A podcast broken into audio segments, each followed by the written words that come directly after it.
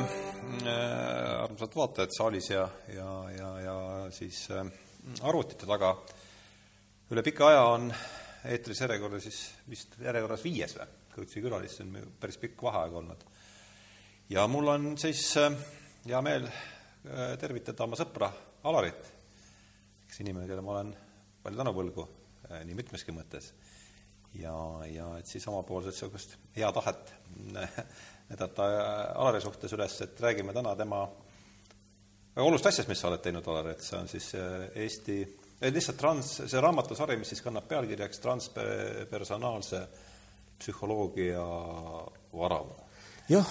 et kuidas see, kus see, kaua sa oled seda teinud üldse, ma tean, et need, need sa-, noh, need raamatud on, ma mäletan neid pika, pikka aega ja siin ja seal on silma jäänud, mõnda neist olen ma ka lugenud, aga kuidas see sari alguse sai, kuidas sa sinna jõudsid, noh, sa oled mulle rääkinud niimoodi jupikaupa, aga aga alustame algusest, et kus ah,, küsime kõigepealt, esimene küsimus on siiski, mida tähendab transpersonaalne psühholoogia? jaa, ma kohe vastan sellele küsimusele kõigepealt ma tänan ka, et mind siia kutsuti, sest kui ma seda sarja välja andma hakkasin, siis ma nagu panin endale paika, et ma nagu ise ei hakka sellele reklaami tegema, et need inimesed, kes selle vastu huvi tunnevad, leiavad selle ise, aga hiljem ma olen nagu aru saanud, et on hästi palju inimesi, kes tegelikult tahaksid neid lugeda, aga kellel pole õrna aimugi sellistest raamatutest. ja kõigepealt, mis asi on transpersonaalne? Äh, mina ei teadnud ka, mis asi see on, aga kui ma ülikoolis psühholoogiat õppisin, siis mu huvialaks oli muutunud teadvuse seisundid. ja ma ei mõtle selliseid patoloogilisi seisundeid, kus inimene on hull ja jookseb amokki, vaid pigem sellised seisundid, kus inimene järsku tunneb, et kõik on nagu paigas. et mõtted, tunded ja keha töötavad kui üks tervik. sest tavaolukord inimestel on see, et noh, mõtted kisuvad ühte kohta ja tunded kisuvad teise kohta ja siis on pärast kehal veel lööve ka ja inimene ei saa aru ja kui ma seda teemat nagu uurisin, siis ma jõudsin ka transpersonaalse psühholoogia juurde, sest see on üks transpersonaalse psühholoogia harusid, on muutunud teaduse seisundid. ja transpersonaalne on sõna otseses mõttes eh, terminitest trans, mis tähendab üle ja personaalne on siis isiksus, et see on midagi üleisiksuslik, ehk inimene tunneb sellel hetkel, et on midagi rohkemat kui nii-öelda tavalises olukorras.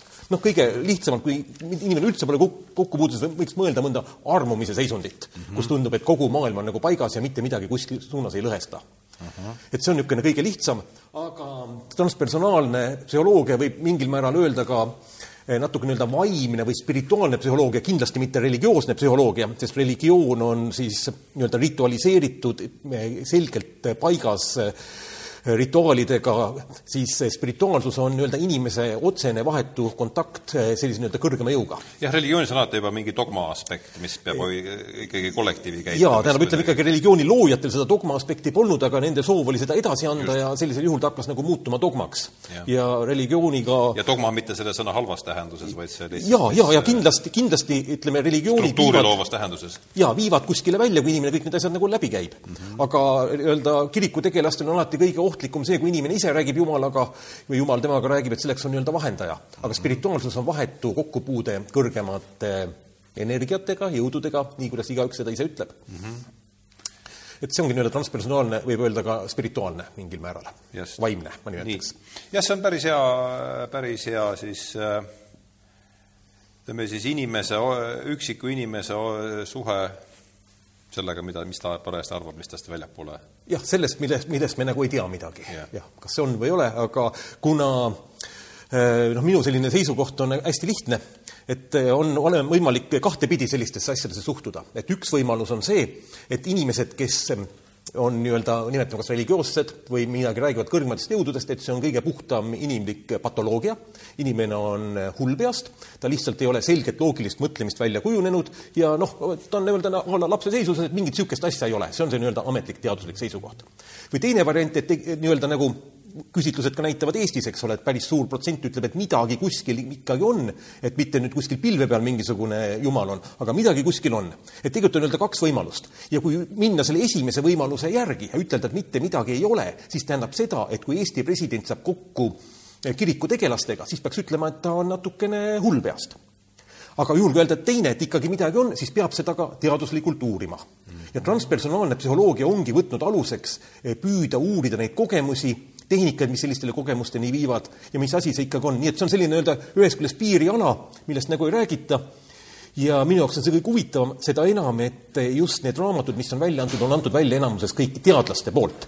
see ei ole selline lihtne raamat, et kui te mõtlete positiivselt, siis läheb kõik hästi ja kui mõtlete negatiivselt, läheb kõik halvasti.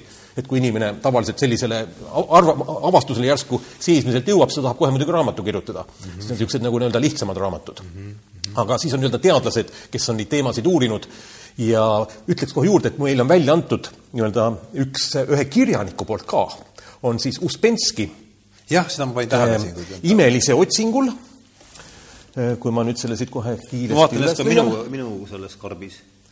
ma panin seda tähele küll. ime, imelise otsingul, mis räägib äh, sa ei leidnud, jah? Gurdžijevi elust.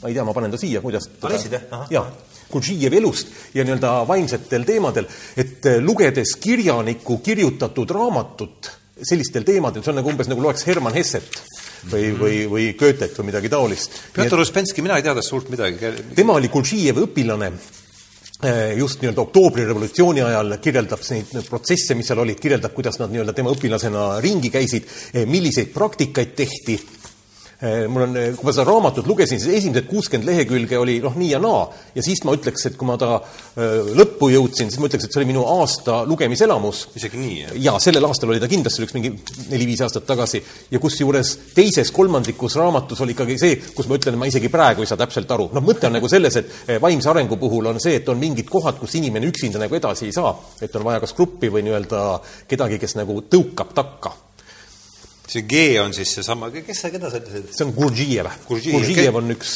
kellest on jutt? nii-öelda müstik. ahah, Gurdžijev, pole temast. Pjotor Uspenski.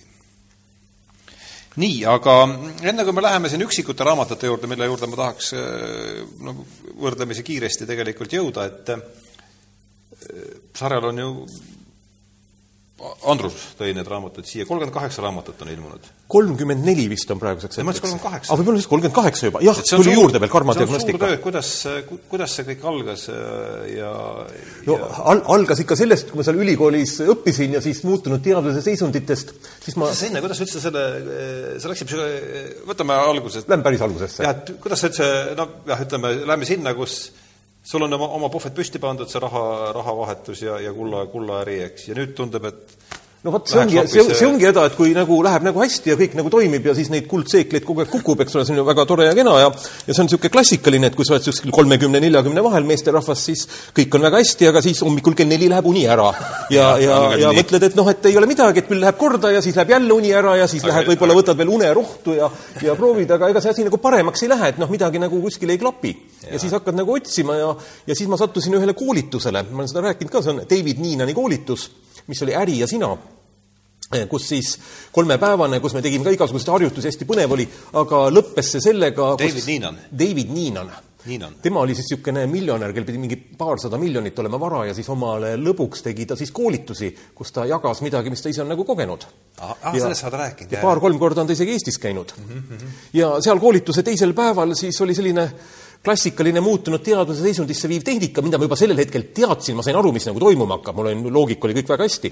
ilma või... mingi psühhedeelise puhase ei, ei, mitte midagi, ei, ei, meil võeti käekellad ära, moodustati nelja-viieliikmelised grupid ja anti ülesandeks tunda tundeid. ja siis me pidime need tunded ära tundma ja siis oli keegi, kes siis vaatas, kas me nüüd tunneme neid tundeid, et kui oli vaja tunda näiteks andestust või usaldust, siis Nii. me seal proovisime ja enamus aega siis tuldi meie juurde ja öeldi, et noh, te näitlete väga hästi, aga tunnet ei ole siin jälgegi ja siis see, noh, kellasid ka ei olnud ja see siis ikka käis seal ikka mitmeid-mitmeid tunde.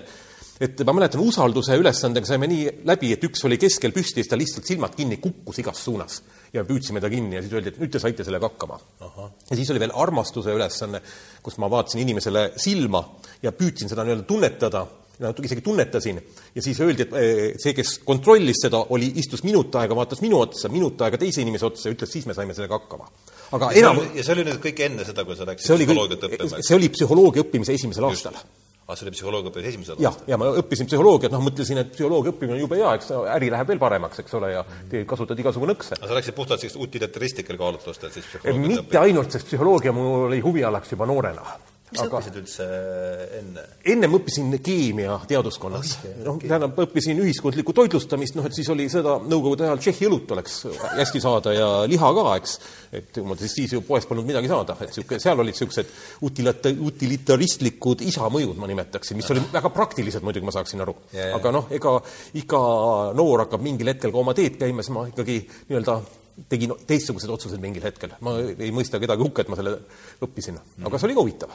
nii, aga siis, äh, see on nüüd juba äh, hommikul kell neli läheb uni ära, siis mõtlesin, et läheks õpiks psühholoogiat või no, juba no, õppisin psühholoogiat siis mõtlesin, et läheks sellele koolitusele tähendab, hommikul kell neli ära ja hakkad ja siis käid ikka psühholoogi juures ja sööd antidepressanti ka ikka natukene. aa, seda ja, oled ka krõmpsutanud? ja, ja, ja kõik loovus kadus ära ja mõte kadus ära ja mitte midagi ei saanud aru, nagu kapsas oled seal, lähed tööle ja, ja ei suuda enam ühtegi asja nagu lahendada ja ja noh, see oli, ja siis ma mäletan seda hetke, kus ma mõtlesin, et parem tulgu kogu see valu, mis tuleb, see tuleb nagu läbi käia, no hakkasin mingeid raamatuid ka lugema mm. -hmm. ja tuleb nagu edasi minna ja siis läksin, noh, kõige lihtsam on nagu psühholoogiat minna õppima, et siin on nagu mitu asja nagu koos sa läksid siis sellise nagu iseenese eh, teraapilistel eesmärkidel mingil määral ka siis psühholoogiat õppima? no seal olid ikka väga mitmed mõjud, seal no, oli üks niisugune väike armumine oli veel taustaks ja tähendab, see oli, see oli väga kompleksne küsimus, et see ei olnud sugugi nii, nii lihtne. No, aga, aga, aga siis... igal juhul sinna õppima läksin, koolitusele sattusin. see oli ja... Tallinna Ülikoolis, eks ole? Eh, või Tartus? Tartu Ülikoolis. Tartu Ülikoolis? Tartu Ülikoolis õppisin, pärast õppisin, eh, magistri tegin Tallinnas. õige, nii, nii. ja siis ma olen seal koolitusel, öösel on kell viis me teeme neid harjutusi, tehtud ei saa, kõrvalgruppides naised nutavad, uluvad, sellepärast et kõik on juba seal sassis, no minul on kõik väga hästi, kõik toimib, mitte midagi pole probleemi, ühesõnaga me sellega mingi ühe, üks või kaks asja jäid tegemata ja see siis lõppes sellega, kus kõik inimesed on üksteise õlgadel, käed, ja siis õõtsuvad edasi-tagasi ja taustaks oli siis see või mingi imeilus lugu või noh, see, et all you need is love või midagi niisugust. ja siis kõigil pisarad voolavad, minul polnud häda mitte midagi, ma olin ikka normaalne meesterahvas. aga kogu selle asja tulemusena järgmise päeva õhtul autosse istudes pannes käima ühe Leonard Coheni loo, vaat siis mul midagi mäletad mis lugu see oli või? Eh, ei mäleta, Leonard Cohenit mäletan ja siis mul nii-öelda sõitis ära, kus ma oleks selles hetkes enda arust olnud igavesti. mõtlesin, lähen koju ja seletan naisele ka, kui hea niimoodi on olla, aga noh, loomulikult need jäid ainult fantaasiaks. et eh, ja kuna ma sellise kogemuse sain, siis ma hakkasin seda uurima ja siis ma sattusin ühe Soome ajakirja peale, kus oli artikkel muutunud teaduse seisunditest. ja seal sa ma sain aru, et see, sain aru, et see ongi täpselt seesama. ja siis ma võtsin selle eriala endale ja edasi jõudsin selleni, et neid asju tahtsid aru saada, mis aga siis juhtus seal Kõueni, Kõueni loomulikult, et panna kuskile skeemi ja, ja, ja noh, tahaks uuesti võib-olla äkki kogeda. aga no ei, ei saa need nii et see oli siis, ütleme, esimene reaalne selline noh, okei okay,, alkoholiga, eks alkoholi olid sa selle aja peale ju kindlasti proovinud. no ikka olin proovinud jah, jah, jah. et muutunud teadvusseisund ei ole päris võõras. no ütleme, siis ma ei teadnud, et alkohol viib ühe tasandi allapoole muutunud teadvusseisundisse, aga on olemas ka mitu tasandit ülevalpoolset Dimotileeri teooria, teooria. ütleme siis niimoodi, kas võib öelda, et see oli siis väljaspool alkoholi niisugune esimene selge arusaam, see Cohen'i lugu, et on muutunud teadvusseisund või? ma arvan, et see oli esimene, et võib-olla ma olin lugenud kuskilt mingisuguseid asju ja inimesed midagi kirjeldavad, no see on selline, loed ja noh, nagu natuke muigad, aga see oli niisugune isiklik kogemus, eh, mis, ma nimetan seda isik... nagu läbimurdekogemuseks mingisugust teise, teise teadusesse või mingi niisugune noh, on see intuitiivne teadus või ükskõik, kuidas seda nimetada, kus asjad läksid nagu paika. aga lugu ei mäleta, jah? ei mäleta lugu. kurat, tahaks teha Cohenist, on, tahan, tahan teha saate. ahah no see oleks huvitav. no ma tean, et no, kui see... sul meelde tuleb kusagil, tead, eh, Coheni saade on mul kindlasti plaanis, et see oleks huvitav. jah see ta ei olnud see Dance me to the end of love, mis on ka väga hea lugu, see kindlasti ei olnud, aga sa need lugusid, häid lugusid on, on teisi. vaguni täis. jaa. okei okay,, Cohen. ja ühesõnaga, sealt ma siis sattusin äh, lugema Ken Wilberist, et tema on siis paika pannud mingisugused ka muutunud teaduse seisundid ja inimese nii-öelda psühholoogilised arenguastmed ja see on üks normaalne asi, et inimene teataval hetkel niisuguseid asju võib kogeda. ja edasi ma sattusin ka Stanislav Grofi juurde aga kuna neid raamatuid nagu eesti keeles ei olnud, siis ma nagu oota, sa, sa väidad, sa oled isiklikult Krohviga kohtunud või? isiklikult olen temaga kohtunud, jah, et ma olen ta isegi osalenud Moskvas transpersonaalse psühholoogia konverentsil maailma kõige suurema osalejate arvuga holotroopse hingamise seansil mm., kus oli viissada inimest aga noh, ega tema oli siis ikka ta, ta, ma mingist videointekast kuulsin, kus ta rääkis sellest Moskva. jaa, jaa, ma olin seal, hingasin, aga noh, muidugi meil olid teised juhendajad, tema oli siis see, kes käis need kõik ruumid läbi, ega ta nüüd inimestega tegeleda ja, ei ja, suutnud, et tema on nüüd ikkagi noh, nii-öelda guru pilt piltlikult. aga ma olen teda äh, loengutel kuulanud, konverentsidel ja see, kuidas ta räägib, on täiesti erakordne ta, ta on päris kõva formaat on seal taga. ta on, tal on kõik asjad selged, ta on niivõrd tasakaalus ei ole sellist asja nagu poliitikud, kes alustab lauset ühest kohast ja siis lõpetab teises kohas ja vahepeal siis et mingisugust viga ega eksitust ometi sinna lausesse juurde ei tule, et noh, sellist asja nagu ei ole. päris mulje, ma olen teda palju vaadanud, aga need kõik need Youtube'i intervjuud on ikka väga muljet. ta on sündinud tuhat üheksasada kolmkümmend üks, nii et ta praegu on eh, kaheksakümmend kaheksa ja ja kui ma õieti mäletan, siis kolm aastat tagasi ta abiellus uuesti mm. -hmm et niisugune väga tõsine mees ikkagi. palju, palju teinud. vurts on, vurts on seal ja, ja Stanislav Grofilt ma, esimene raamat, mis me välja andsime, tegelikult me ei andnud, ma aitasin seda välja anda väikesel vankril, oli siis tulevikupsühholoogia ja noh, see on see raamat, kus ta kirjeldab enda teed ja alates sellest, kui ta oli nii-öelda noor psühholoogia üliõpilane, käis natuke psühhoanalüüsis ja tema tegi siis ka nii-öelda esimese LSD seansi ja uuriti, lasti talle stroboskoobiga seda nii-öelda valgust, mis siis nii-öelda vilkuvat. ja see siis tõmbas ikka noh, täiesti kuhugi, kuhugi ära, nii et see no, see oli tema jaoks see murrang? see oli tema jaoks nii-öelda murrang ja siis oligi ta, hakkas nagu ka teistega neid seansse tegema ja ütles, et ta LSD oli, siis oli veel luba ta... lubatud jah ja., ta tegi seda seal äh, Prahas, enne kui ta nii-öelda Ameerikasse ära läks ja sinna, seal tööle hakkas.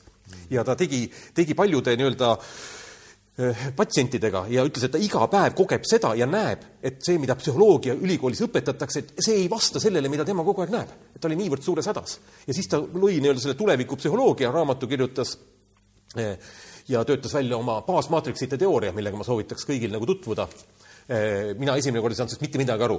et selle esimest korda ma nüüd saangi nagu mõne raamatu välja tuua. esimest korda puutusin ma tema baasmaatriksitega kokku see transpersonaalse psühhiaatria psühholoogia teksti kogumik, mis oli meil üks esimesi raamatuid ja seal siis termin oli BPM, ma ei saanud midagi aru sellest, aga mõte on selles, et eh, kui inimene nii-öelda kas regresseerub või psüühikas läbib nii-öelda varasemaid kihte, noh, psüühiliseks arenguks ongi vaja nii-öelda varasemad kihid ka läbida, nii-öelda see nii-öelda minevik läbi töötada, et kui ta neid nagu läbib, siis ta kogeb kuni sünnikogemuseni välja. Ja ta kogeb ka nii-öelda enne sündimist ja see on kehamälus ja on mul aeg, ma räägin need neli tükki ära kohe. jaa, las käia, las käia. tähendab, et see on nii-öelda neli, neli baasmaatriksit on, et esimene on see, kus loode on kõhus, ta on nii-öelda, hõljub sealt vabalt ringi, jube hea on olla, nii-öelda seda nimetatakse esimeseks baasmaatriksiks, et kui nii-öelda sinna inimene uuesti kogemusena saab, see on nagu ülimalt hea olek, et noh, sul on kõik vajadused rahuldatud, emalt tuleb süüa, juua, mitte mingit probleemi ei ole. see on esimene baasmaatriks. ütle veel see nimi, me hakkasime kirja, see oli siis sünnieelne? Eh, see on nii-öelda sünnieelsed, neli sünnieelset staadiumit. ja siis, kui ta seal niimoodi hõljub, siis ta mingi hetk läheb nagu kitsamaks ja siis ta hakkab ennast nagu, nagu koomale tõmbama ja tõmbab ennast kägarasse ja siis hakkab nii-öelda teine baasmaatriks, see on siis see, et kus sa oled seal nii-öelda kägaras, sul on ebamugav olla ja tunned justkui oled nagu vangis, et see eelnev niisugune hõljumine on kadunud ja vähe sellest, et oled vangis, siis äh, vangla seinad hakkavad sind peksma et see on see teine see on see Krohvi teooria? Krohvi teooria, jah, kus on emaka kontraktsioonid mm -hmm. ja ta ütleb, et kuidas siis nii-öelda inimesed selle LSD seansi ajal ka umbes analoogseid äh, asju kogevad, kuidas nad tõmbavad ennast kägarasse ja, ja tunnevad seal mm. -hmm et see on niisugune hästi hull koht, kus inimene noh, tunneb, et ta sureb, et tal nagu väljapääsu ei ole, seda enam, et ta ei tea, kuidas välja saab, ei pääse. see on siis nii-öelda teine maatriks, mis on kõik psüühiliselt erinevad mm. -hmm. kolmas on see, kus nii-öelda ütleme, teises maatriksis ema ja loode, kes siiani esimeses olid koostöös, muutuvad vastandlikuks, sest ema on vaja ikkagi loode ellu viia siis kolmas on see, kus ema ja loode hakkavad koostööd tegema, ehk emakasuu avanemine ja nii-öelda läbimine ehk nii-öelda roomamine läbi emaka nii-öelda sünnini mm. -hmm. mis siis on eh, erinev sellest teisest, et teisest sa ei saa liigutada, aga kolmandas sa liigud, kuigi kumbaski sa ei tea tulemust. ja neljas maatriks on siis vahetu sünd ehk esimene kokkupuude õhuga, valgusega, eks see on siis olukord, kus veeloomast eh, tekib maaloom kuni esimese hingetõmbeni. ja need kõik neli on psüühikas nagu esindatud aga nad on meil salvestatud kehamällu, mitte meie Just. verbaalsesse kompleksi ja nendele ei pääse mitte kunagi ligi mõteldes või arutledes või analüüsides, ainult eh, vahetu salvestatud meie kehasse siis? jah, täpselt nii, jah. jah, Krohvil oli üle nelja tuhande inimese ja nende alusel ta koostaski need välja. ja, ja mõte on nagu selles, et enne seda veel läbitakse kuidas seda nimetas, et lühendatud kogemuste süsteemid. tähendab, igal inimesel on olemas mingisugused nii-öelda probleemid, mis on saanud alguse lapsepõlvest seotud emotsiooniga, näiteks häbi et kui sulle esimest korda lasteaias tehakse häbi, häbi, häbi sulle, siis see salvestub. ja sinna peale tulevad hilisemad häbikogemused. ja LSD ajal siis on, inimene hakkab neid minevikust, nii-öelda viimastest kogemusest ettepoole minema, kuni ta jõuab esimese kogemuseni, kus talle nii-öelda tekitati häbitunne või kurbuse tunne või üksinduse tunne, kus vanemad kodunt ära lähevad. ja kui ta siis need LSD seansi ajal ära läbi käib, siis vabaneb nende alus, all olev nii-öelda energeetiline potentsiaal ja inimene pääseb ligi sünnikogemusele. et seal on ka oma teatav järjekord. nii et tegelikult ma soovitan seda kindlasti nagu lugeda. nii et see on siis esiteks tulevikupsühholoogia, no ma nüüd haaran mõne raamatu ka, teeme natuke reklaami, ja teine on holotroopne hingamine, see on äkki sinu kastis seal. oota kohe, mis, mis, mis asi praegu? kas eh, tulevikupsühholoogia ja holotroopne hingamine või mõni muu Krohvi raamat, et neid on meil neli tükki juba välja antud. neli Krohvi on seal või? jaa. Siin on Vill, vaata sa ka siis, noh, kosmiline mäng, see on Krohvi. kosmiline mäng peab ka kindlasti välja võtta. nii, ma, seni kuni selle, leiame selle holotroopse hingamise, kus on põhjalikult nagu lahti kirjutatud need maatriksid ja samuti selles transpersonaalse psühholoogia ajaloos, siis on veel raamat Kui sünnib ilm võimatu, kus ta kirjeldab oma klientide kogemusi mis on nii-öelda hästi mõnus lugemine, mäletan, mul üks sõber sõitis Indiasse ja siis ta kuskilt lennujaamast saatis mulle meili, et ta loeb seda raamatut, et see on tema viimase parim raamat, et jube mõnus lugeda. nii et see Kui sünnib ilm võimatu on niisugune hästi, hästi lihtne, hea lugemine mm. -hmm. ja kosmiline mäng, no see on juba natukene tõsisem, siin ta arutleb nende asjade kosmiliste dimensioonide üle. üsna vilja, kas see on hilisem lugu natukene? Need on hilisemad, jah ja,, need on kosmiline mäng on hilisem. ühed andis veel sellel aastal veel välja. aa, tulevikupsühholoogia. vot, tulevikupsühholoogia on see, millest võib täiesti, iga psühholoog peaks alustama ja lugema ära, mis asjad nagu ei klapi.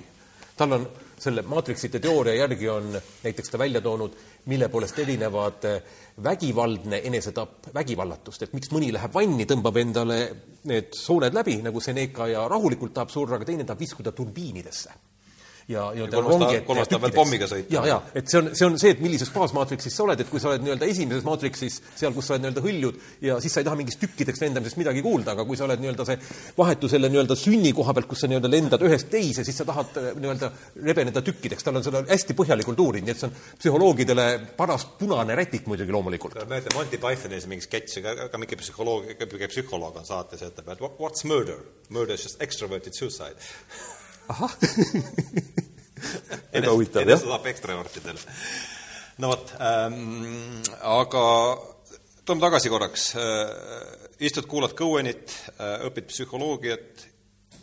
õpid psühholoogiat. ja nüüd siis äh, sarja ju pole veel kuskil. sarjast ei ole kuskil, siis on see, et ma nagu selle väike vanker andis seal välja äh, mingeid raamatuid, ma aitasin ja soovitasin neil välja anda ühte Jungi raamatut, see sissejuhatus Jungi psühholoogiasse mis ei ole üldse meie Aa, välja. see on, eks ole, see mingi hallide kaantega. jaa, hallide kaantega õhuke raamat, mis on esimene raamat, ingliskeelne raamat, mis ma läbi lugesin ja ma lugesin seda Ameerikas kuskil seal ja mäletan, naine oli kuskil ostukeskuses, ma mõtlesin, et ehk ta ei tule veel tagasi, et ma saan veel rahulikult lugeda, see on nii huvitav et aga see ei olnud sinu välja antud, aga? tähendab, see ei olnud minu välja antud, ma lugesin seda inglise keeles ja siis ma soovitasin välja anda väiksele vankrile minu soovituse peale, nad andsid selle välja. et me leppisime kokku, et ma kannan kahjumi kuidagi, jah. ja tulevikupsühholoogia nad andsid ka välja ja hiljem ostsime tiraaži ära, mida nad eh, maha ei müünud. ja siis kuskil kaks... tulevikupsühholoogia on see ei ole meie välja antud. ei ole või? ei ole, see andis välja väike vanker, aga me muidugi olime Aha, toeks. okei, okei, okei. aa, siis äh, tähendab, tulevikupsühholoogia on nüüd veel enne, see on siis üks esimesi või? või see ongi kõige esimene? see võiks selles, selles kuues? selles kuues on ta kõige esimene, aga mitte meie välja antud ja,. jah, jah, jah ja. ja. nii et see, ütleme, kui ma, kui mina seda sarja vaatan, siis noh, see kujundus on, eks siis ma võin öelda, see on esimene, see on see esimene raamat? see on, see on esimene raamat, aga muidugi minu jaoks oli esimene üks raamatuid, oli see Kõiksuse lühilugu, mida jälle mina üldse ei olnud välja andnud, andis kirjastus Valgus välja. aga see on ju ka selle, selles mõttes? jaa, ja kuna ta oli läbi müüdud, tähendab, ma lugesin ah, ta nii-öelda, siis ma andsin uuesti välja. ja, ja. ja Kõiksuse teooria samamoodi, kaks Ken Vilberi raamatut on nagu eh, teise trükina välja antud, kuna see Kõiksuse lühilugu oli, mis, mis mul nagu pani kogu selle asja teoreetilisse raamistikku kus sa soovitaksid Krohviga alustada? absoluutselt tulevikupsühholoogia. jah, see on esimene raamat ja eh, järgmisena soovitaksin ikkagi Ken Vilberi Kõiksuse lühilugu Need on hästi head raamatud. aga kui inimene äh, tahaks nagu midagi lihtsamat, on siis veel see Albert Hoffmanni raamat on meil ka. jaa, see, see oli siin, see on see L LSD raamat. sisekaemused ja väljavaated ja minu mure laps sellest, seda ma olen lugenud, minu mure laps sellest teed, seda ma olen lugenud. mille kohta tekib muidugi hirm umbes, et mis see LSD asjad, aga selles raamatus ta ei kirjelda üldse nii palju seda LSD-d, mida ta ka räägib, pigem on temas nagu mure kogu inimkonna arengu pärast ja see, mida ta on kirjutanud siin paarkümmend aastat tagasi, on noh, niivõrd tänapäevane. aa, sul on kaks tükki neid? Või mille, aa, siit, sealt tuli võib-olla see kolmkümmend kaheksa siis? jaa. Albert, Albert Hoffmanni loeti, kui ta elus oli, elusatest geeniustest äh, number kaheks. ta elas vist saja kahe aastaseks või? oi, temaga oli jah hästi huvitav, et ma võin rääkida veel selle koha ära, et kui ma Hoffmanniga ei ole, ega sa Hoffmanni pole ise kohanud? tähendab, ei, Hoffmanni ma ei kohanud, aga ma viibisin Baselis, kui oli tema saja teisel sünni aastapäeva konverents ja siis ta oli ise elus veel või? minu arust ta suri saja kahe sada kolm, sada kolm suri, sada kolm suri. et see oli, see oli üheksakümmend kaheksa. Ei, mitte üheksakümmend kaheksa, kaks tuhat kaheksa oli niisugune konverents, aga enne seda oli veel kaks tuhat kuus kevad, kus ma olin küll nii-öelda teoreetiliselt tundsin igasuguste asjade vastu huvi ja siis ma lugesin kuskilt, et, et Šveitsis on L, selle LSD asutaja või niimoodi avastaja sajanda sünni aastapäeva konverents. ma mõtlesin, noh, et ma mõtlesin muidugi, et on surnud, eks ole, loomulikult ja, ja et mingid minu esimene pakkumine oleks ka see. mingid friigid saavad kokku ja noh, las nad seal saavad, eks ole, siis ma sain järgmisena aru, et ta on täiesti elus terve mõistuse juures ja väga pettunud, et valitsused on tema suurepärase ravimi pannud kalevi alla ja ei taha neid uuringuid üldse teha. Et see oli kaks tuhat kuus kevad, aga noh, kaks tuhat kuus sügis oli mul siis nii-öelda see järgmine, järgmine kogemus, ehk ma sattusin Brasiiliasse mm -hmm. ja siis ma jõin seal nii-öelda aiavaskat kaks tuhat kuus? kaks tuhat kuus, jah mm. -hmm. esimest korda? esimest korda, jah. aga ütleme, millal see, millal oli see Coweni, Coweni see oli kaks tuhat kaks, kaks tuhat kaks või isegi kaks tuhat üks viis aastat enne. ja kaks tuhat kuus oli, käisid Sullin Ladina-Ameerika teeõhtul? ma käisin, ma hakkasin tegema oma magistritööd Nii. ja magistritöö oli mul muutunud teaduse seisundid muidugi, ega mida ma seal muud ikka siis teen. ja, ja algul mõtlesime, et teeme vabastava hingamise seansil, mul oli üks taanlane, kes mõõtis ajulaineid ja ma nägin kõiki neid ajukaarte, mismoodi need asjad nagu toimivad ja mismoodi eri ajupiirkonnad hakkavad omavahel sünkroonis töötama ja mismoodi informatsioon ajukoorest jõuab nii-öelda läbi limbilise süsteemiga nii-öelda teadvusesse, ma sain aru, et see midagi, midagi ühendab, et ma nagu julgesin teha, sest ma niisugust asja, et ma oleks mingisugust Brasiilia jooki joonud, mida võidakse klassifitseerida narkootikumiks, oli selge, ma mitte iialgi elus niisugust asja ei tee. aga kuna ma olin nii-öelda, nii-öelda teadusliku mõtlemislaadiga, siis ma hästi põhjalikult uurisin ja, ja mis sellega toimub ja siis ma sain järsku aru, et ja muutus oli see, et seda ayahuasca seanssi, mitte minu oma, aga kui ma seda uurisin, viis läbi üks jantra äh, Eh, Jatra, tähendab üks naisterahvas, kes oli Brasiilias narkootikumide vastase võitluse ühingu aseesimees või tähendab, ütleme väga kõrgel kohal, tegeles eh, narkomaania vastu võitlemisega ja viis ise läbi ayahuasca seansse.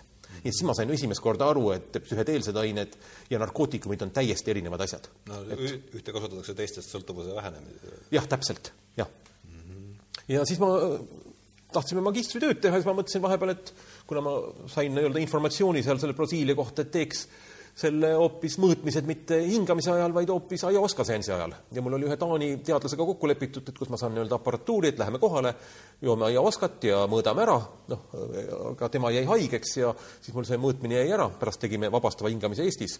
aga siis mul olid piletid olemas ja kuidagi noh, nagu teema pakkus huvi, no kuidas ma siis nüüd ei lähe sa läksid džunglisse kuhugi või? ma läksin ühe teadlase juurde, Luis Eduardo Luna, kellel on selline keskus seal, kus ta kutsub äh, üle maailma teadlasi. ise on ta seda siis päris palju teinud, noh, ütleme ma ei tea, kui inimesega kokku ei ole puutunud, siis see minu nali ei pruugi kohale jõuda, aga ta ise on ühel konverentsil, temalt küsiti, et noh, et kas see võib sõltuvust ka tekitada. see on hea nali, jah? siis ta ütles, et see ei tekita mitte mingit sõltuvust, et ta on ise seda juba tuhat korda teinud, ta täiesti kindlalt teab. mina kuulsin, et ma olen seda, kui inimene, kes on seda teinud kolm tuhat korda, ma võin kinnitada, et see ei tekita mingit sõltuvust mina kuulsin kolm, aga noh, põhimõtteliselt seal ei ole vahet, et kas on tuhat või kolm, igal juhul ei tekita midagi. ühesõnaga, kui ma seal olin, eks ma siis vaatasin natuke kummaliselt, seal oli üks teadlane, Michael Winkelmann, kes hiljem on välja andnud kahe kaheköiteline psühhedeeniline meditsiin ja asjad ja ja rääkis, et noh, et tema arvamus, et eksisteerib tavalise dimensiooni taga teine dimensioon, eks mul nagu väga kummalised tunded seda kõike kuulata oli no,. ja, ja esimene sessioon oli see, et ma nägin ühte täppi ja mõtlesin, et noh, sõidaks nüüd juba tagasi, aga aga noh, vaata, kui sa oled meesterahvas, siis noh, et oled nagu missioonil, et noh, teeme ära, et noh, teeme siis lõpuni, et mul, teeme need neli korda ära. ja noh, teisel korral nagu juhtusid need asjad, millest raamatus kirjutatakse, mida tegelikult nagu ei tohiks nagu juhtuda. nii et äh, ütleme, et siis saad aru nagu armastuse olemusest ja vaatad seal niisugust äh, kaleidoskoopi ja vikerkaari ja värvid on hästi pinnapealsed sõnad selle kohta, mida nagu koged aga see on see, mida ei olegi võimalik nagu hästi edasi anda. seda sa ütlesid minu meelest hästi, kui sa Toom-, sina ütlesid seda Toomas vaates, et kui sa hakkad seda jutustama, et see on nagu seksist rääkimine, et lõpuks välja tuleb ikka pornograafia. jaa, on, ongi, on proovige rääkida oma kõige kaunimast seksikogemusest. no tähendab, ei ole võimalik ilma pornograafiata, et mida, kes puudutas või kuidas ja mis selle peale juhtus, noh, ei ole võimalik ja sama on, sama on psühhedeelse kogemusega psühhedeelse kogemusega veel nii, et kui sa seal ikka sisse lähed, kui ta hakkab pihta, siis tegelikult on ta omamoodi ka nagu sünnitus. et eh, sul ei ole võimalik seda peatada mm, -hmm. kui sessioon käib, sul ei ole võimalik seda nii-öelda eh, vastu panna, eh, see läheb oma, kindlalt lõpule ja kui see on lõppenud, on kõik täielikult muutunud mm. -hmm. ja seda ei ole võimalik seisma ka panna, mitte midagi ei ole võimalik teha, nii et aga mina pakuks, et ikkagi muudab paremuse poole inimesi no väidetavalt, jah, väidetavalt. ja ma arvan, et see seal Brasiilias käimine mulle kindlasti aitas kaasa, et ma neid raamatuid välja andsin kaks tuhat kuus. kaks tuhat kuus ei olnud veel raamatusari? kaks tuhat kuus ei olnud raamatusari ja kaks tuhat kuus muide, eh, me anname varsti välja Michael Polleni raamatu, kui ma eh, see nii-öelda kuidas muuta meelt? jaa, How to change your mind. ja seal ta kirjeldab, kaks tuhat kuus oli väga märgiline aasta, sest kaks tuhat kuus sügisel, kui ma olin juba aiaoskat teinud, ilmus esimene teadusartikkel psühhotsübiini kohta, mismoodi psühhotsübiin aitab kaasa müstilise kogemuse tekitamisele ja ma olin nii üllatunud, kuidas on topeltpime uuring, et kui see on esimest korda avaldatud, ma sain kohe aru, et see on nagu nüüd natukene üle tavaliste piiride minek. Ja noh, peale seda tuli nagu paisu tagant välja, et praeguseks on tuhandeid artikleid tulnud. kaks tuhat kuus oli psühhotsibiini nagu täpselt, läbimurre ja, ja, ja, kaks tuhat kuus toimus esimene konverents, siis oli ka üle kümne või viieteist või kahekümne aastased, sama, millest ma rääkisin, oli siis see LSD konverents Šveitsis. Ja kolmas kaks tuhat kuus sündmus oli see, kus Ameerikas kas see Daime või, või, või Unio, tähendab, seal Brasiilias on kaks kirikut, kellel on ayahuasca sakramendiks mm -hmm. ja nemad said USA kohtus võidu ja õiguse kasutada sakramendina ayahuascat. nii et kaks tuhat kuus siis mina oma väikese ühe tassi teega olen ka nagu kaks tuhat kuuendal aastal nagu ka tegija olnud enda arust natukene. et see oli niisugune tore aasta. aga kus sa Luisi teadsid üldse? Luisiga ma sattusin kokku seesama taanlane, kes mõõtis ajulaineid, olin Taanis ühel koolitusel, kvantfüüsika ja teadvus, üks India füüsik viis läbi ja siis oli seal veel Marina Ebert ja ta ütles, tal on üks Taanis üks tuttav, et kes ka nii-öelda ajulaineid mõõdab ja teatavasti biotagasiside on üks muutunud teadvuse seisundisse viimise meetod, et kus sa nagu keskendud mingisugusele helile ja kui see heli läheb kõrgemaks, siis sul ütleme, ajulained lähevad madalamaks. et on niisugused era, eraldi niisugused võimalused, ma käisin selle kümnetunnise koolituse ka seal läbi nii et ühe taanlase juurde sattusin ja, ja tema nagu rääkiski, näitaski nii-öelda esimest ajupilti selle kohta. tema töötas Artur Jaanovi juures eh, seal Ameerikas. Eh, Artur Jaanovi raamatu me andsime ka välja, ma pean nüüd jälle selle välja võtma. ma, ma otsin enda see Artur Jaanov, jah. Artur Jaanov, Primaalkarje ja et ta töötas seal, mõõtis ajulaineid ja nagu ta ütles, et tema kõige huvitavam ajulainete mõõtmine oli see, kus, see oli primaalteraapia, kus siis kutsutakse nii-öelda mul ei ole seda, see peab sinu kastis olema äh,. nii. kui sa tahad otsida seda näidata, aga võiks. primaalteraapia, et minu meelest mul ei ole siin aga kui teda ei ole, siis, siis no. võib sa lihtsalt nime öelda, Artur Jaanov mm. -hmm.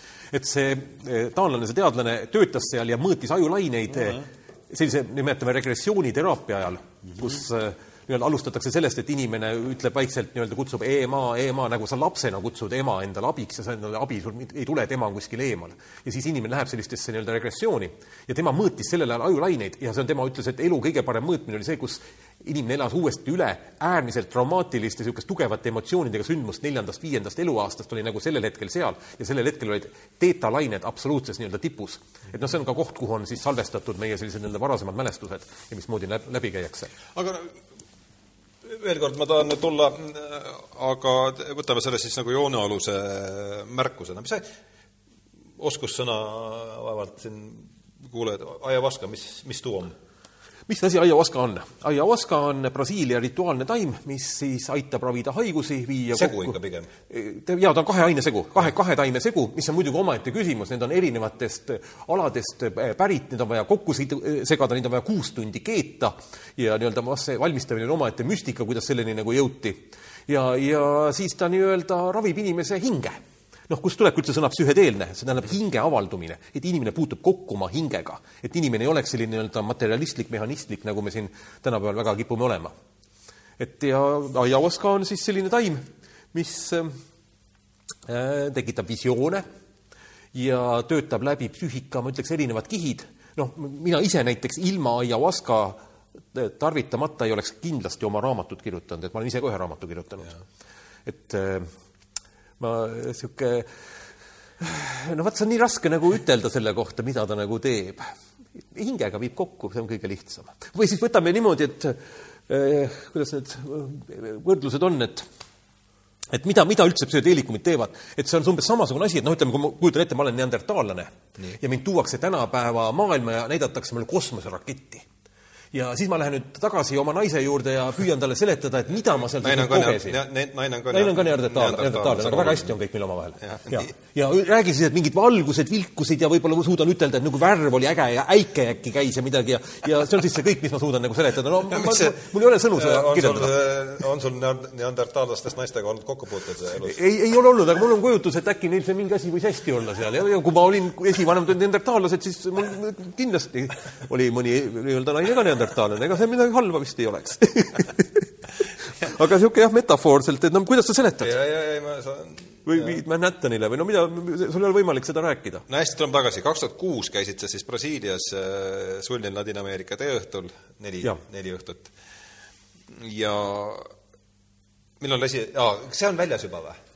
see on väljas selleks ajaks. Äh, mis aasta see on nüüd siis äh,? Kaks tuhat kaheksa on sul kaks tuhat kaheksa on see või? no vot, siis ma nüüd vajan nüüd no okei okay. aga igal juhul üks raamat oli veel sellele Charles Start Teaduse seisundid, mis oli eesti keelde just tõlkimisel, mul oli selle nii-öelda käsikiri. seda, see on selles kuues, aga see ei ole meie välja antud. ja, ja, aga see ei olegi selles mõttes, äh, mind huvitab just see, et, et mis sul selles, see visuaal, mis sul selle visuaalse identiteedi all on, et mis kirjatus täpselt oota, kas sul on, kui sa räägid meie, siis on sul eraldi kirjastus selle? jaa, selleks on eraldi kirjastus, Estra kirjastus, et me seal nagu kolmekesi nagu niimoodi rabeleme või neljakesi natukene abiks ja anname välja. Äh, mul on üks hea sõber Andrus on seal, minu elukaaslane on seal ja siis on meil üks Kaarel, Kaarel, kes aitab kujundada, et me, ja siis on Tanel, et ka, kes on nagu varem tegeles, et me oleme nagu kas Tanel valiski sul Tanel valis väga palju raamatuid. Sheldrake'i valis tema näiteks? Sheldrake'i valis tema, jah. mis ta, Tanel oli? Tanel Mällo. Sheldrake'i valis tema ja ta valis ka mitmed teised, nii et tal oli väga, väga hea valik, ma ütleks selle kohta mm. -hmm. mis tema taust on? tema õppis ka psühholoogiat ja kui mina lõpetasin oma ülikooli, siis tema oli minu kaitsmist kuulamas ja niisugune huvitav olukord oli, et kui ma nagu rääkisin muutunud teadusseisunditest, siis ta oli nagu ka väga niisugune, et mis asi see on, aga hiljem ta on nagu ka hoopis teisele seisukohale, meil on nagu, ta on mul väga hea sõber praegusel hetkel mm. -hmm. et, et äh, ka ülikoolis õppinud psühholoogiat. nii, hästi, aga tulid siis Brasiiliast tagasi ja, ja ja olid näinud raketti? no nagu jah, rohkem kui raketti natukene käinud sõitmas raketiga. ja, ja, ja siis ikka niimoodi läks mõni aasta mööda ja minu arust vist kas kaks tuhat üheksa või mingil hetkel siis äh, jõudis nagu hästi selge arusaamine, et noh, et see, mida nagu praegu konkreetselt teha saaks, et annaks nagu raamatuid välja, et sinnamaani ma nagu toetasin, ma andsin ka välja mingid majandusraamatud, seal Võla impeerium näiteks. aa, see on ka sinu? jaa, et seda toetasin väljaandmist ja, ja siis ma sain aru, et noh, et kui ma toetan või teisi, noh, võiks ju parem nagu ise anda, et noh, et see on nagu noh, kõlab küll võib-olla niimoodi imelikult, aga noh, see ikkagi noh, tagasiandmine maailmale. kahjumi pead niikuinii kandma. no kahjum tuleb niikuinii, jaa. ja noh, ma tahtsin ise neid lugeda, see oli ka nagu taustaks. ja esimene raamat oli siis Viimne teekond, Stanislav Grof, kus ta arutleb viimne teekond, viimne teekond, mis on seotud eh, surmaga eh,. ehk eh, nii-öelda arutleb surma olemusest ja, ja kuidas sellega nii-öelda varasemad tsivilisatsioonid on sellega hakkama saanud, et see on siis niisugune raamat, mida peaksid kõik vanemad inimesed lugema, sest ta saab sellest nii-öelda ikkagi tegelikult jõudu. see on see ka põhiküsimus, et noh, kas surm kas on lõplik või ei ole. on siin, jah? jaa mm. -hmm nii et see oli meie esimene raamat, teda on veel siiamaani järgi, nii et me aga see on nüüd esimene sinu siis äh, selle, selle kirjastuse esimene raamat? kirjastuse esimene raamat, ta praeguseks hetkeks nulli ei ole veel jõudnud. et see on nagu, noh, see käib nagu asja juurde. ja siis hakkasime nagu järjest minema. ma arvan, et siis oli mingi hetk andsime Jungi välja, tähendab, mitte Jungi ennast, aga Jungist. Jungi, Jungi atlas, eks? Jungi atlas, jah. kuna ma sealt olin ühe peatüki eelnevalt ära tõlkinud, siis eh, noh, Jung on muidugi ise tõlkisid, jah? Eh, ma, mul ikka, minu osa oli siis finants, finants nagu enamasti sellel nii-öelda jah. mõtlesin, et sa proovisid ise ka. jälle päris hakkama ei saanud. aa, näe, siin on jah Artur Jaanov. aa, Jaanov Primaalkarje. no Artur Jaanovi Primaalkarje kohta, ma raamatu kohta ütleks seda, et selle raamatu pärast on kaks inimest eraldi sõitnud Ameerikasse Jaanovi juurde primaalteraapiat kogema nii et see raamat Artur Jaanov, jah? ma pole kuulnudki seda nime. siit tagant võibki hakata järjest vaatama, mis järjekorras meil need tulid et eh, no nad on sellised eh, noh, kuna nad tunnistavad ikkagi mingisuguse teise dimensiooni olemasolu või vaimse või spirituaalse ja seda ametlik psühholoogia ei tunnista, siis ta ikkagi visatakse nagu ikkagi välja. ja nagu nii-öelda akadeemiline psühholoog siis tema nagu, nagu teise koha pealt natukene vaatab no akadeemiline psühholoogia, kui me räägime sellest, siis ta oli kuni viimase, ütleme siin kahekümnenda sajandi lõpuni oli see suuresti akadeemiline psühholoogia oli behaviorism, eks no jaa, jaa ta ühes käes nihik ja teises käes siis stopper. jaa, noh, põhi, põhimõtteliselt oli eh, noh, näiteks ütleme, transpersonaalne psühholoogia ütleb, et eh, on nii-öelda neli jõudu. et esimene oli psühhoanalüüs, mis tekkis sajandi algul, teine oli behaviorism, nii-öelda Skinner ja, ja kõik see stiimulreaktsioon, kolmas oli humanistlik psühholoogia koos Maslow'ga mm -hmm. ja ka Rogersiga, kes meil on välja antud saada iseendaks, mille juurde kohe tuleme ja mis on suuresti, eks, reaktsioon, ma kujutan ette, behaviorismile. absoluutselt, jaa, et ikkagi seal peab tekkima kohe mingi vastureaktsioon. no behaviorism ütleb, et see, mis inimese sees toimub peas, on midagi, et see ei oma mingit tähtsust, tähtsust omab ainult väline käitumine. no et see, kui... mida ei saa mõõta stopperi ja, ja, ja nihikuga, seda ja. pole olemas. et kui sõjavägi mar-, marsib ühes rütmis, siis on kõik korras, aga see, et mõnel, kes seal marsib, on eelmine päev on keegi vanematest surnud ja tema psüühika on teistsuguses olukorras, see teda psühholoogiat, behaviorismi ei huvita. Mm ja kolmas oli siis humanistlik psühholoogia, mis ütleb, et inimesel on olemas võimete potentsiaal. Ja inimese elu eesmärgiks on oma võimete potentsiaalini jõuda ja see ellu viia ja sealt siis äh, Maslow'st ja teistest äh, no see on ju väga aristotellik äh, mõtlemine, et kuskil on see vorm, mis sind siis tõmbab, eks? no ega mulle ka tundub, et juba Platoni ajal ja koopa metafoor on juba no see on puhas, kõik asjad ära öelnud. esimene, Aristoteles on esimene reaktsioon, eks. et kuidas oli, et Sokrates rääkis kõik välja, mis ta mõtles ja siis anti mürgikarikat, aga Platon oli targem ja ütles, rääkis koopa metafoorist ja jäi elama nii see on, jah. ja, ja neljas väga oli siis huvitav, ma vaatan seda Viimse teekonna, Viimse teekonna sisukorda, väga põnev. aga ma vahepeal juba haaran siis selle järgmise näite, on selle Carl Rogersi Saada iseendaks, kui me juba raamatutest räägime, siis tema kirjutas selle raamatu psühholoogidele, aga siis hakkasid lugema tavainimesed ja mul jälle ka üks sõber praegu just loeb, ütleb, et see on täpselt nii-öelda, haakub temaga nii palju kui üldse noh, võimalik. Karl Rogers oli ka selle humanist, siis Maslow ja selles pundis, eks? jaa, tema oli Maslow pundis ja, ja tema võib-olla isegi transpersonaalsesse punti nagu päris ei jõudnudki.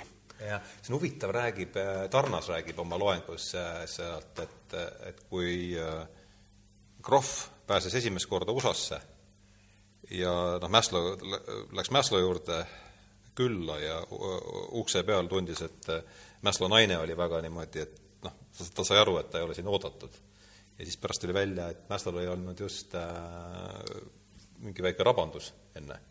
ja ta kartis, et kui need kaks tükki kokku saavad, et siis noh, neil see vormid nii kõvasti tõmbab, või noh, tähendab, Mäslo oli väga huvitatud sellest, mis Krohv teeb. ja Krohv oli väga, vähemalt sarna-, Tarnase andmetel vähemasti, et see, mis ja et äh, proua kartis, et äh, Mäslo süda ei pea vastu seda see meenutab ju Freudi ja Jungi kokkusaamist, kus nad said kokku ja rääkisid kolm, kolmteist tundi peale esimest kokkusaamist. no äh, Sheldrake räägib, et tema rääkis McKennaga vist kolm päeva jutti midagi sellist. ma loodan, et me, me läheme pühapäeval lennuki peale, et me saame siit täna varem minema.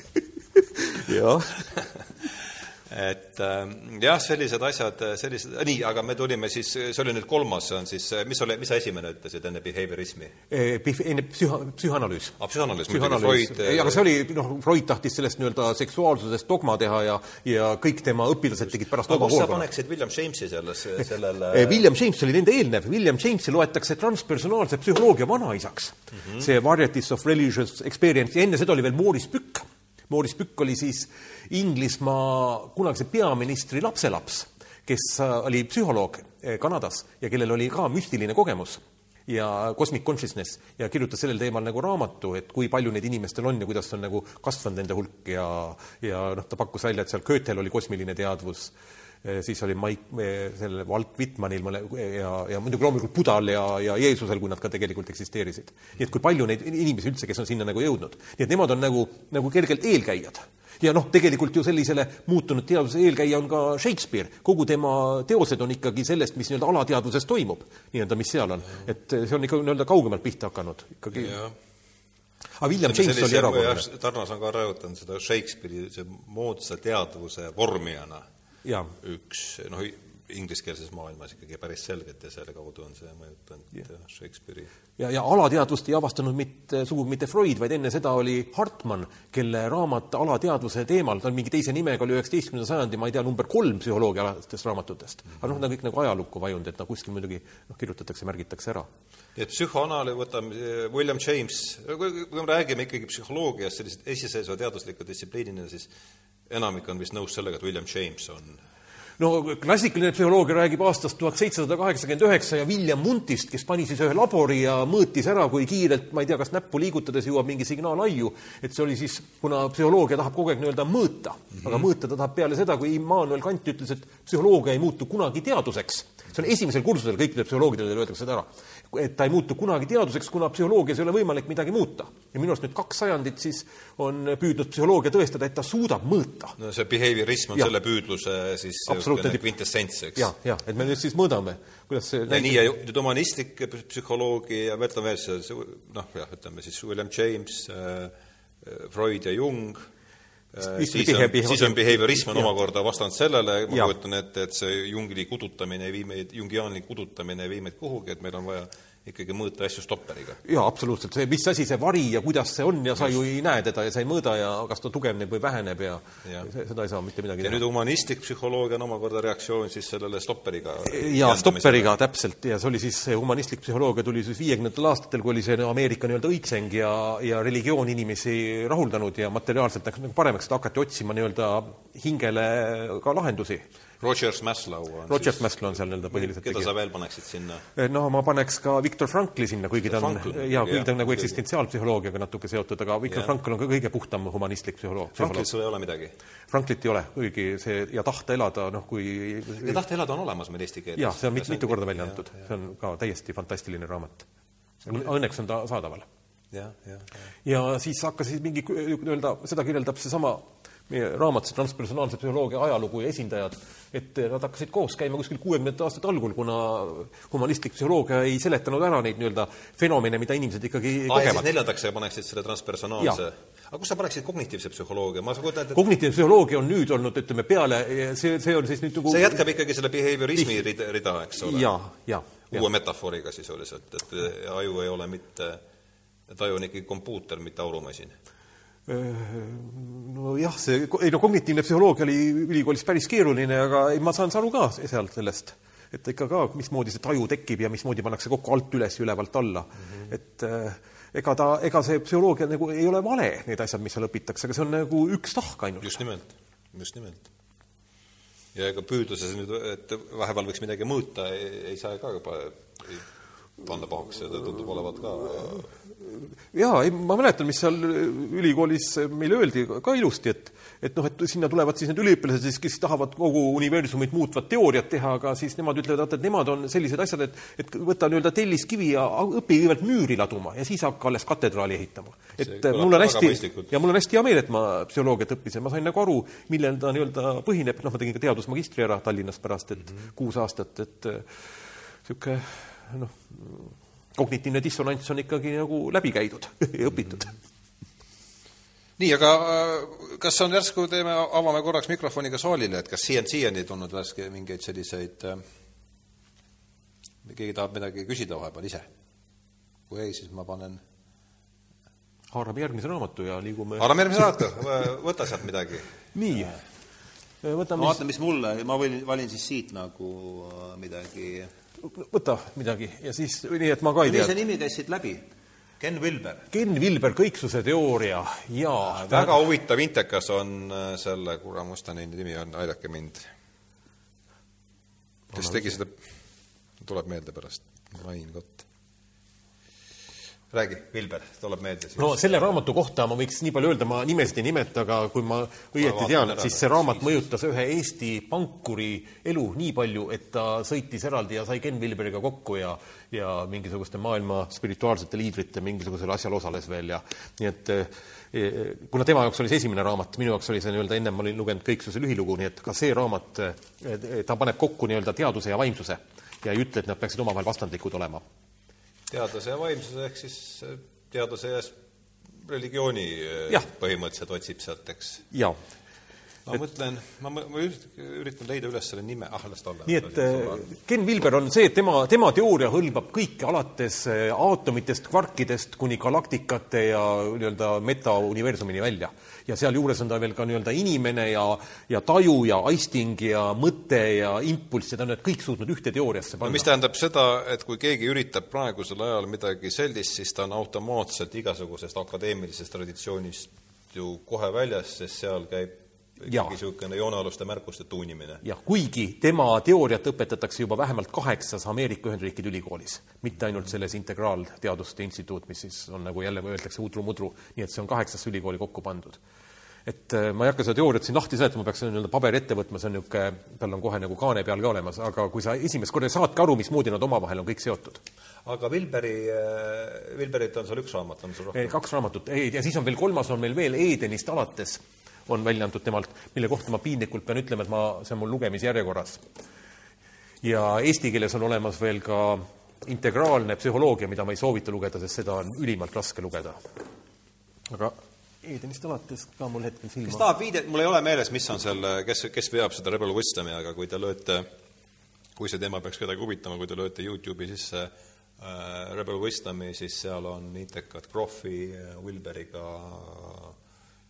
tuleb selle inimese, kes on, kes seda asja veab, Sheldrake'iga on seal kaks intekat tal. aga vaata, on see Kõiksuse lühilugu, äkki, äkki just tuleb välja kuskilt siis...? Kõiksuse lühilugu, kas, aa, Kõiksuse teooria on Kõiksuse siin? Kõiksuse see on eraldi või? nii, me otsime Vilberit siis. kõige, näed, see minu raamatust vasakule seal ääres ah,. nii, et jah, kui ma õieti aru saan, siis kohe peaks olema esimeste lehtede peal või on ta taga kuskil see teoorpilt. või siis ta on ta ikkagi kuskil mujal. mis otsid? ei, ma mõtlesin seda, kas ma saan seda ülevaatlikku diagrammi näidata, aga seda ta siit kohe ei tule praegu välja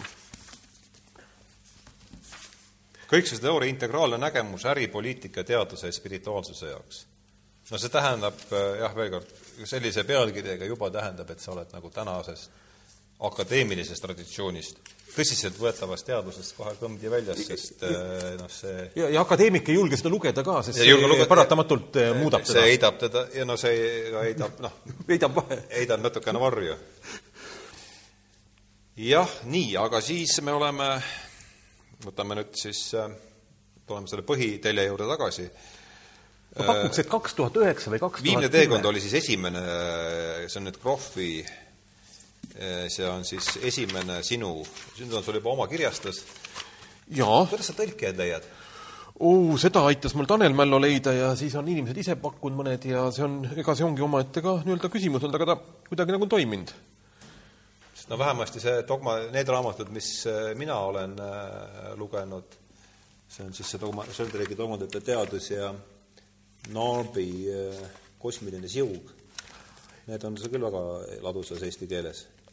No ega millal, millal muuseas oma kogemusest või sellest oma, oma kogemusest sinu sarjaga, millal Narbi tuli välja? Narbi tuli teise trükina välja enne konverentsi, kui me nüüd siin Eestis tegime, sest esimene kord ilmus ta aastal kaks tuhat eesti keeles ja siis ma juba lugesin teda Kosmiline siug ja ta oli igalt poolt läbi müüdud. ja ta oli niivõrd huvitav, mäletan isegi Eesti teadusajakirjanik Doris Karev oli toimetaja minu meelest jaa, võis olla küll. jaa, üks teadusajakirjanik ütles, et jaa, et ta on nagu päris teadusülekas, soovitan kindlasti väga lugeda. no tema oli siis ikkagi nii-öelda antropoloog, kes oli Brasiilias. räägi sellest jah, natuke sellest, sa, oled ju Narbi, Narbi jaa, ma olen ka Narbi, Narbiga kohtunud ja ta on väga fantastiline inimene, ta on Eestis käinud ja loengu pidanud, nii et tema raamat on suurepärane loeng oli sügisel. ja, ja, et ta avaliku räägib esinejana haruldane et tema oli siis nii-öelda tavaline antropoloog, kes käis seal nii-öelda ka Brasiilias ja uuris ja, ja analüüsis ja siis ta ikka kogu aeg küsis, et millest te nagu räägite ja mis on. ja nagu ta ise ütles, siis eh, indiaanlased ütlesid talle ühe korra, tead, Jeremy, et kui sa tahad sellest midagi teada saada, siis sa pead jooma aiavaskat. ja siis ta jõi selle ära ja noh, mina tema kogemust edasi ei kirjelda, eks ole, tema oma raamatusest on võimalik seda teada saada, aga peale seda ta kümme aastat valmistas ette, et kas ta avaldab selle raamatu või mitte, sest ta teadis, et ta koheselt visatakse teadusest välja. Noh, teaduses ja, no, ta on oli ju täiesti konventsionaalne antropoloog, eks. jaa, nagu tavaline. Ja loomulikult siis antropoloogid temast ei tahtnud pärast suurt midagi teada, raamatud on seest müüdud kolmsada tuhat eksemplari ja tema järgmised raamatud, kus ta räägib ka nii-öelda taimede omavahelisest suhtlemisest, eh, ei ole ka nagu ütleme, akadeemilist eh, piiri ületanud mm. -hmm. et ja kuidas, kuidas sa Narbini jõudsid? Eh, Narbiga ma kohtusin eh, samuti Brasiilias, aga no, raamatuni, raamatuni sa said Luisi juures no, no, Luisi, Luisiga sain Narbiga no. kokku, jah. aga, aga raamatut lugesin ma eelnevalt ja no seal ta rääkis ikka nii-öelda, mismoodi DNA ka, nii-öelda elektromagnetkiirgus kiirgab ja mismoodi need nii-öelda DNA-s mingid muutused toimuvad ja ikkagi sellise nii-öelda piiriala peale läheb välja, aga tal on kõik kõikjal on teaduslikud viited, nii et kui ma tema raamatut lugesin ja vaatasin, kui palju oli viiteid, siis ma sain aru, et oi-oi-oi, et inimene on ikkagi noh, nii-öelda teadusmaailmaga põhjalikult kokku puutunud. see on korralik viitestik selle, tal on ju kõik see noh, treening, see, mismoodi viidata on ju laitmatu. nii et ta kümme aastat valmistas raamatut ette, siis ta andis selle välja ja raamat on väga hea raamat. Sa räägid nüüd eh, Jeremy Narbist. kolme, kosmilisest siust või kosmiline siu. oled sa seda teist raamatut oled lugenud? Eh, sul on, naabrilt on üks praegu Eh, üks on väljas ja teine on mul ka lugemislistis. ja aga see oli see, see looduse intelligents kas see looduslik intelligents või see oli see plant as persons või tähendab, ütleme, neid on päris mitu tükki ja ma olen ka mõelnud neist mõne välja anda, aga me ei ole sinna veel jõudnud. Nii, aga jah, et eh, Narbini läks sellest, et kus sa, kus sa tõlkijaid leiad, sest noh, nende kahe mul valim on küll suhteliselt väike selle pealt, aga, aga need on tõesti hea, heas ladusas eesti no keeles. selle tõlkimise koha pealt, eks ma julgen siis nüüd välja öelda sellise ka, et ega meil need tõlkijad mõnikord on väga head olnud, aga aga siis ma ükskord sain küll šoki, kui ma lugesin raamatut ja siis ma jõudsin sinna kohta, kus oli kirjas, et karud hiberneeruvad. et karud hiberneeruvad. kas te saate aru, mis see tähendab, jah? No lähevad talveunne. no vot täpselt, kuidas me siis, noh, minul läks ikka ka aega, et aru saada, et karud lähevad talveunne. karud hiberneeruvad, siis mulle meeldib ikka, et kui, kes see Nebadoni kirjastuse juht ütles kunagi, et ta kõik võõrsõnad tõmbab maha ja paneb eestikeelse teksti, eestikeelsed sõnad asemele. no see on üldiselt jah, et parem, parem komme kui mõni muu, siis saab ise, saad ise ka aru, millest sa räägid.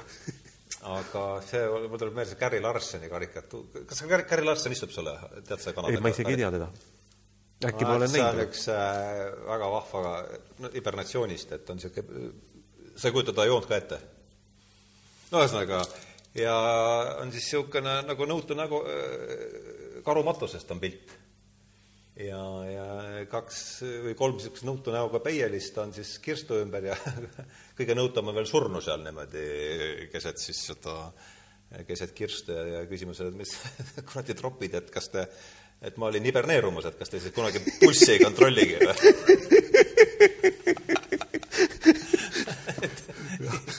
nii, aga tõlkimisest ja tõlkimisest ja kõigest sellest, et et ähm, mis oli järgmine raamat pärast ähm, viimset, viimset teekonda, kuidas sa, sa, mind huvitab see, kuidas su mõte on nagu liikunud. jaa, sealt, tähendab, kui ma nagu siit vaatan, ilmselt Kuidas peale peale viimset teekonda oli ilmselt ikkagi eh, ka psühhosüntees. nii, mis toom? Roberto, Roberto Assagioli aa, Assagioli, ja vot temast, eh, ma, sa kirjutad oma raamatust Assagi- Assagiolist. Assagiolist, no tema oli siis see, kes äh, oli nii-öelda Jungiga ühel ajal ja loomulikult oli siis nii-öelda Freudi õpilane ja, ja Freudi juurest läks eemale ja tema ütles lihtsalt, et kui Freud Assagioli oli Freudi õpilane? ja nad kõik, kõik olid seal, Pearls ja, ja, ja mis mulle isegi meelde, see Moreno ja noh, põhimõtteliselt et, tolleaegsed kuskilt mujalt nagu eriti neid tulla ei saanudki, kes nagu natukene kaugemale hakkasid vaatama, aga nad kõik läksid eemale aga kus tema läks eh, siis Freudiga lahku?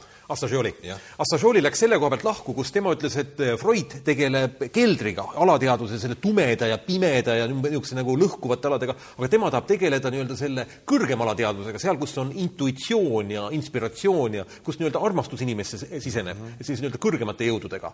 et noh, tal ongi selline munamudel, kus all on madalam alateadvus, tungid, hirmud, foobiad, siis on keskmine alateadvus keskmine alateadvus on hästi lihtne, et sa esitad küsimuse ja saad vastuse.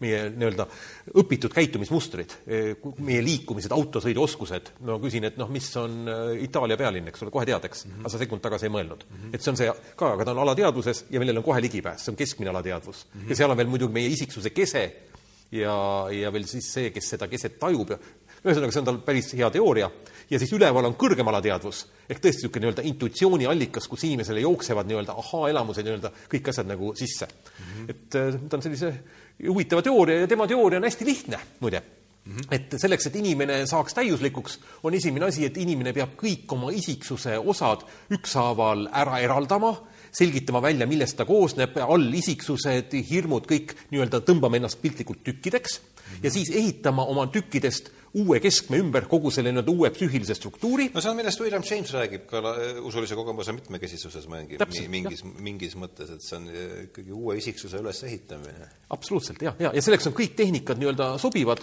alates joogast ja juhitud meditatsioonist ja ja mingi ette kujutad, et oled nisutera ja kasvad suureks nisuks ja nii edasi. ja see on esimene etapp, esimene etapp, sa lood uue isiksuse enda kohta ja järgmine etapp siis läheb nagu natuke müstikasse, kus sa lood siis nii-öelda enda selle uue isiksuse keskme ja kosmilise keskme vahel ühenduse. ja siis ongi kõik korras. ja sellest psühhosüntees tema raamat natukene ka räägib. see on siis see Assagioli. ehk siis teise, teiste sõnadega lood, lood lood sideme oma teadvuse ja sinust väljapoole jääva, jääva, jääva teadvusega, ma kujutan ette, et siis jah, kellele sõna kosmos ei peaks. jah, ja no ütleme, teoreetiliselt on hästi lihtne, eks ja, ole, aga, aga ilmselt need, kes, kellel see niimoodi ühendus on, need, tajuvad seda teistmoodi, siis kui sa loed ja, sellest, siis sa ja kui sul on kartesiaanlik maailmapilt, et peale väljaspool aju teadvust ei olegi üldse, siis see kõik on mõte, mõte on täiesti, siis on see kõik täiesti ja, mõttetu jutt, aga kui sa sellest oletusest lahti ütled, siis hakkab, noh, tähendab see, selleks, et see jutt omaks üldse mingit sisu, peab, tuleb öelda sellest kartesaanlikust äh, ja. käsitlusviisist lahti, eks. ja no selleks peab olema tegelikult inimesel see kogemus, mis siis nii-öelda teise järgi siis kogemus ei tähenda midagi, eks ole, nii-öelda eriti veel selle nii-öelda behaviorismi järgi see on see nii-öelda materialistliku paradigma ja mittematerialistliku paradigma vaheline erinevus mm. -hmm. et kuskohas teadvus asub. et klassikaliselt siis öeldakse, et teadvus asub ajus ja siis tuuakse ju see näiteks seda, et kui ajus midagi siia lüüa või kuskilt midagi on, eks ole, et siis teadvus kohe muutub, et see pidi siis tõestama, et teadvus on ajus, et see on sama asi ainult ajus? no ainult ajus, jah. just, see on ja, oluline. ja, ja see on sama kui öelda, et televiisori pilt asub televiisoris. et kui sa sealt mingisugust äh, transistori ära võtad, siis ühe puhul läheb heli ära, teise puhul läheb ära ju pilt ja ühel puhul värvid, eks ole, et sellisel juhul on televiisori pilt pärit televiisorist mm, -hmm. mitte kuskilt väljapoolt. et see, see nagu ei tõesta midagi nii, aga vot see, äh, eks ta on natuke eklektiline meil see asi, aga, aga, aga põhimõtteliselt me tahame rääkida su, äh, ju su sarjast. näed, nüüd ma leidsin selle, kus on kõik raamatud peaaegu järjest kirjas, siin hakkab, hakkab selle järgi on kohe hea hakata vaatama. aga räägi, tuleme Krohvi juurde tagasi, sest äh, Krohvi puhul on see, see on tal naisega koos kirjutatud, ma äh, Tarnas oma selles äh, kirg-laine meeleoladis või Passion of the Western Mind, seal ta ütleb üsna lõpus, et Esalanis, kus nad olid, kus siis koos Krohviga koos, nad on ju käinud Krohviga koos äh, kursuseid ja, ja, ja, ja saateid, et Esalanis prooviti kõik, nagu te võite arvata, et Esalanis prooviti kõikvõimalikke äh, terapeutilisi tehnikaid, aga mitte ükski ei jõudnud Krohvile ligilähedalegi. et äh, mis asi on holotroopne hingamine, see on mind, ma tahan sellest teha saate ka veel, et aga sul on lausa raamat siin siis, mille on kirjutanud Stanislav Grof ja Kristiina Grof, et räägi meile palun jaa. räägi meile palun holotroopsest hingamisest. mul on olnud suur au käia uus lähenemisviis eneseuuringutele ja teraapiale, nii. mul on suur au olnud käia Saksamaal kolm aastat transformatiivse hingamise kursusel, mille viis läbi Krohvi õpilane ja mis viis, nii-öelda ta ütles, et see on tegelikult nii-öelda holotroopne hingamine, mida ma kolm aastat õppisin. aga kuna nii-öelda oli see nii-öelda Krohv ei lubanud seda nime nagu kasutada, nimetati teistmoodi. nii et ma olen kolm aastat holotroopse hingamise juhendajaks õppinud ja ise teinud umbes mingi kuuskümmend, seitsekümmend holotroopse hingamise seanssi läbi. mis tähendab holotroopne üldse? holotroopne hoolos on tervik ja trepein liin on millegi poole liikumine ehk liikumine terviku suunas, on siis selle nii-öelda mm -hmm. mõte.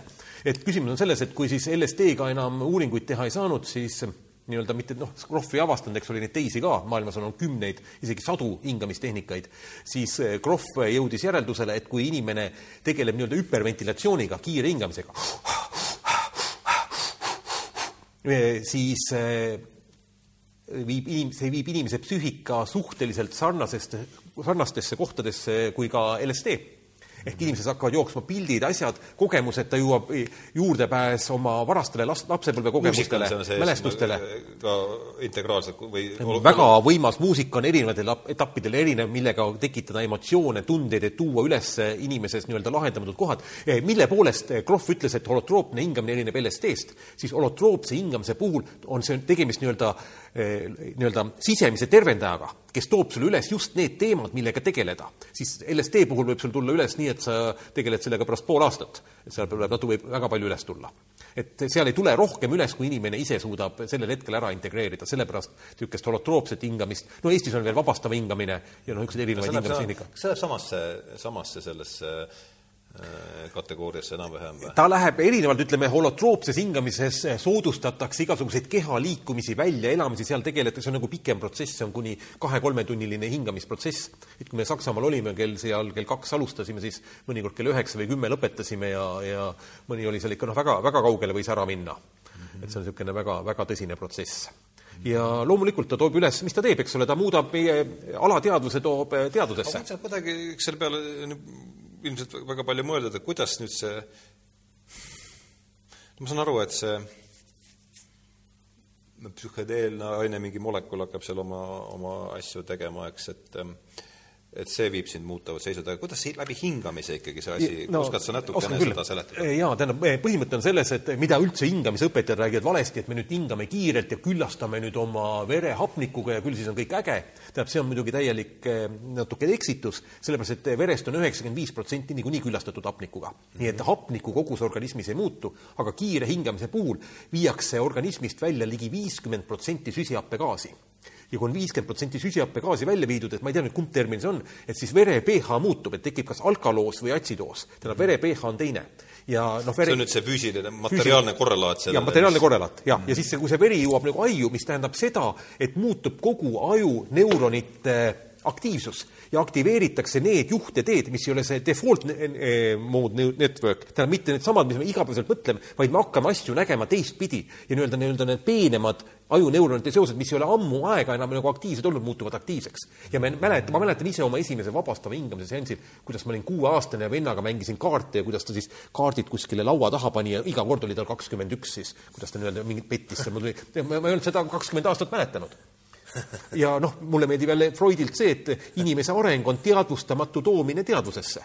ja teisest küljest ütlen kõigile kuulajatele ka, et ikkagi süstemaatilist pealetungi alateadvusele pole vaja alustada, sellepärast et kui sul ei ole selge loogiline mõtlemine välja kujunenud, siis need jõud hakkavad inimest ikkagi tükkideks rebima. et kui inimene, inimesega endaga tegelemine ei ole kohustuslik, et ma loodan ka, et kes, kelle, kes, kellel ei ole vaja, see on juba saate seda ütles hästi, äh, mul oli Tähenduse teejuhtides oli vestlus äh, siis äh, Hasso Krulli ja Jaak Johansoniga ja see, Jaak ütles seal väga ilusti, et kui sa lähed neid noh, nende ainetega jändama, et see on natuke sama asi, kui sa lähed karu patsutama, et sealt võib noh, Äh, ainetega Nendega tuleb minna ikkagi, äh, pead teadma, mida sa, mida sa teed, ma kujutan ette. no tähendab, kindlasti ei tohi ainetega jändama minna nii, et umbes ma lähen mängin arvutimängu ja kindlasti on vaja juhendajat, et mina olen osalenud ainult juhendajate juures, ma olen osalenud, eks ole, Brasiilias, mul on olnud ka Rootsis tähendab ikkagi juhendamine või see juhendamine tähendab ka, et seda asi, asi toimub mingis tseremoniaalses, tseremoniaalses kontekstis? minu arust seda teistmoodi üldse ei tohikski olla, noh, tseremoonia tähendab seda, et alustatakse millegiga, on nii-öelda kindel ruum, kus on nii-öelda teatud kindlad tegevused ja hiljem hiljem nii-öelda suletakse, tänatakse selle päeva eest. ja noh, minu, minul on õnn olnud osaleda ka Ralf Metsneri, ma võt-, otsime, kas me leiame mõne ah, Metsner, jah, vot, vot tema ja. on äh... Ralf Metsneri koolitusel tema mina minu meelest ei näinud oma karbis, see peab sul olema, aga Metsner on kindlasti, kellest tahaks rääkida. nii, aga kui teda jälle ei ole, siis no tal on midagi ka, siis on jäänud puudusid. jah, eks see on nii-öelda alkeemiline kaemus. aa ah,, Janovi leidsin üles, Primaalkarja, näe, oli olemas. et see on siis see, et et kui läbi lugeda, siis äkki võib juhtuda, et sõidad Ameerikasse. Salatas on olemas, Wilber. näe, siin on ikka niisugust paneme siia veel natuke kõrvale, äh, varsti kaks vaimsete huvidega noormeest ei paista väljagi siit selle äh. kas, kas niisugust õhukest raamatut, näed, seesama ongi. seesama ongi või? jah. Metsner, jah? jaa, Ralf Metsner on siis äh, praeguseks hetkeks lahkunud, tema oli siis nägid, jah, tema oli Timothy Leary kaasaegne sõber. tema oli Leary kaasaegne, jah jaa, kirjutas Peterson pidi olema nüüd samal, või kui ta Harvardis oli, siis ta olevat olnud samal eh, sellel kohal, kus oli olnud eh, Leary omal ajal, keda Nixon muuseas pidas siis see on kuulus lause, et Timothy Leary on kõige ohtlikum mees maailmas või? Äh, jaa, absoluutselt, sest noh, temale ei meeldinud ju Vietnami sõda. ja, ja inimene hakkab endalt küsima, miks ma lähen sinna ja tapan teisi normaalseid inimesi, nagu mina olen, noh, niisugust asja sõjaväes küsida ju ei tohi mm. -hmm. nii. nii et Leary oli jah, see on niisugune mis temast üldse sai lõpuks? Timothy Leary oli, vahepeal pandi vangi. kas ta istus kinni ka või? jaa, ta istus kinni, aga temaga oli see asi, kui ta kinni istus, siis tehti temaga isiksuse test. ja et kuhu teda nagu vanglas panna, aga kuna tema ise oli selle isiksuse testi koostanud, siis ta oskas valida niisugused vastused, et teda saadeti nii-öelda õue taimedega tegelema, rohima, et ta sai niisuguse mõnusa töökoha ja siis ta vist midagi põgenes vanglast ja siis ta oli seal Euroopas, aga pärast ikkagi jälle oli, nii et lõpuks noh, ikkagi sai vang-, kandis oma karistuse ära. Ja peale seda ta siis oli Ameerikas nii-öelda tuntud tegelane, pidas loenguid ja, ja mille eest ta, mis, mis talle pandi süüks? no ikka, vist oli aine omamine ikkagi jälle või ma ei, ma arvan, ega seal muud väga palju olla ei saanud. tõenäoliselt mitte, jah. Ja et eesti keeles on temast seal Ameerikas hulkurluse, hulkurluse paragrahv ei ole, millest Trotski kinni oli, et seal Trotski oli hulkurluse pärast? Trotski oli hulkurluse pärast no,, no või mitmed äh, jah, ja Al Capone oli rahapesu pärast. et kuna tal oli pesumasinate võrk nii. Ähm, kus me oleme nüüd oma selle, kus me oleme nüüd oma selle sarjaga siis?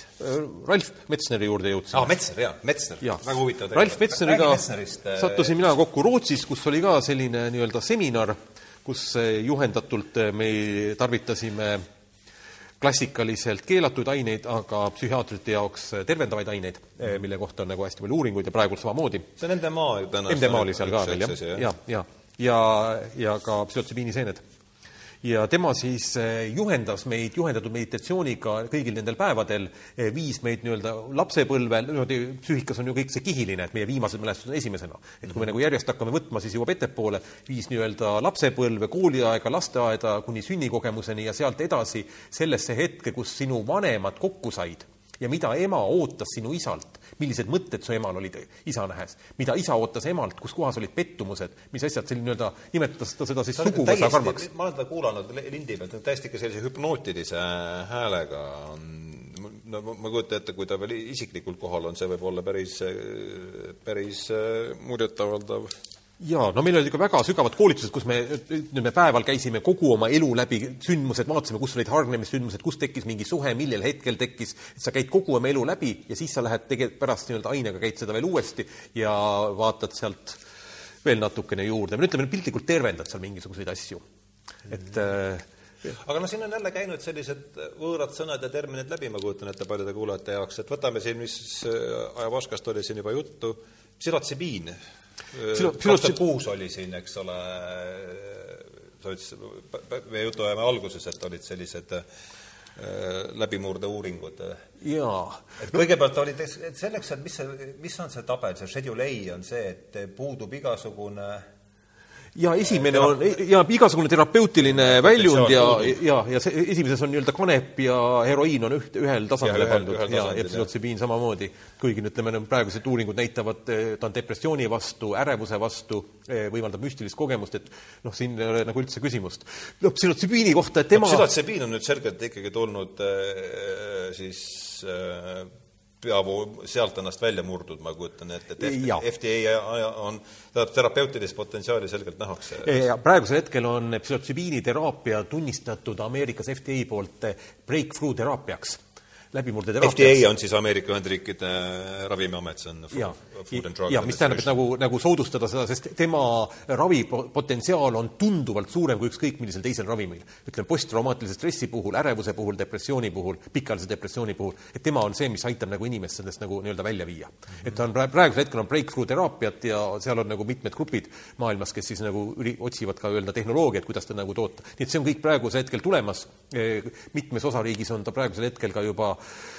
dekriminaliseeritud, ma just hiljuti jah, psühhotsibiin, ma just kohtusin ühe kanadalasega, kes juba alustab nii-öelda to-, tööstuslikku tootmist, kes on aidanud Kanadas seda nii-öelda kanepit legaliseerida, et et maailm on selles suunas nagu noh, kindlasti nagu liikumas. loomulikult seda ainet peaks kasutama jälle ikkagi terapeudi juhendamisel. ei ole mõtet karu minna patsutama oma pead, eks ole, see, ma arvan, see oli Jaagul väga, väga ilusti, hakkame ja sõnastamisspetsialist. jaa, aga millal see psühhotsibiin üldse jõudis lääneühiskonda, näiteks kui meskaliin ehk nii-öelda kaktuse oma tuli juba üheksateistkümnenda sajandi lõpul olid esimesed teadlased, just tuhat üheksasada kakskümmend oli muide juba teada tema terapeutiline mõju, on esimesed teadusartiklid, mida ma isegi uurisin seda, siis kuni viiekümnendate aastateni öeldi, et ta tekitab psühhoosi ja nad olid teadlased väga hädas, et aine, mis tekitab psühhoosi, et miks ta üldse siis ootamatult hoopis psühhoosi ravib. nii et sealt hakkasid need asjad pihta. ja siis oli kuue, viiekümne seitsmendal aastal, kui minu arust see Marina Sabina, kes siis eh, käis seal ühe eh, ameeriklasega Marina Sabina juures, tähendab, käidi üks ameeriklane ja esimest korda Mehhikos tarvitas psühhotsibiini seeni ja ajakirjas Time on sellest siis viisteist lehekülge. see oli see pankur, eks ole? vist küll jah, täpselt, ja, ja, ja, ja tema tõi selle nii-öelda lääneühiskonda ja Albert Hoffmann analüüsis aine välja sealt ja siis panid, panid ipid, panid Padavai eh, Mehhiko poole udjama. no ipid panid kindlasti Padavai ja siis oli juba LSD, aga, aga kui nüüd päris reaalselt rääkida, siis psühhotsibiini varasemad asjad on, eh, tähendab, esiteks on hüpotees Walt Disney kohta, et kuna Walt Disney käis Mehhikos just seal kohapeal, kus olid need, see seente värk oli ja kus olid need tseremooniad, aga ühtegi nii-öelda ametlikku kinnitust sellest ei ole, aga sellest hetkest, kui ta seal käis, kogu tema multifilmid muutusid, seal tekkisid need hea ja kurja võitlused ja hea võidab ja, ja fantaasia aastal tuhat üheksasada nelikümmend kolm. no niisugune, ütleme, minus on see kahtlus ja kõhklus olemas, aga ma kindlasti ei saa väita. see võib vabalt olla, et sa Minni, Minni hiire peale puljalt ka selle, see, mis see on, see öö, kummeli, kummeli pealt üks ei tule, et see peab olema ikka midagi kirevat vahemaal. jah, ja ei, või jah, täpselt, see, ma ütlen, seal on, aga siin on veel teine asi, et, et fakt on see, et Lewis Carroll, kes kirjutas raamatu Alice imedamaal, siis tema kõige parem sõbranna oli mükoloog ja selle, ma ikka pean selle ära rääkima, et kui ta siis oli selle Alice imedamaale ära kirjutanud, see raamat oli kuninganna Victoriale nii väga meeldinud, et ta ütles, et et äh, ma tahaks nüüd su järgmist raamatut ka lugeda, et mulle nii meeldis see ja siis ta saatis oma järgmise raamatu. ja siis, kui kuninganna lahti tegi, siis ta oli natukene hädas, sest see oli matemaatikaõpik, et ta oli matemaatik ja Juris Kärol oli matemaatika, jah. et sa hammustad seed, muutud suureks, hammustad seed, muutud väikseks, nii et seda ei saa lugeda ametlikuks äh, tõestuseks.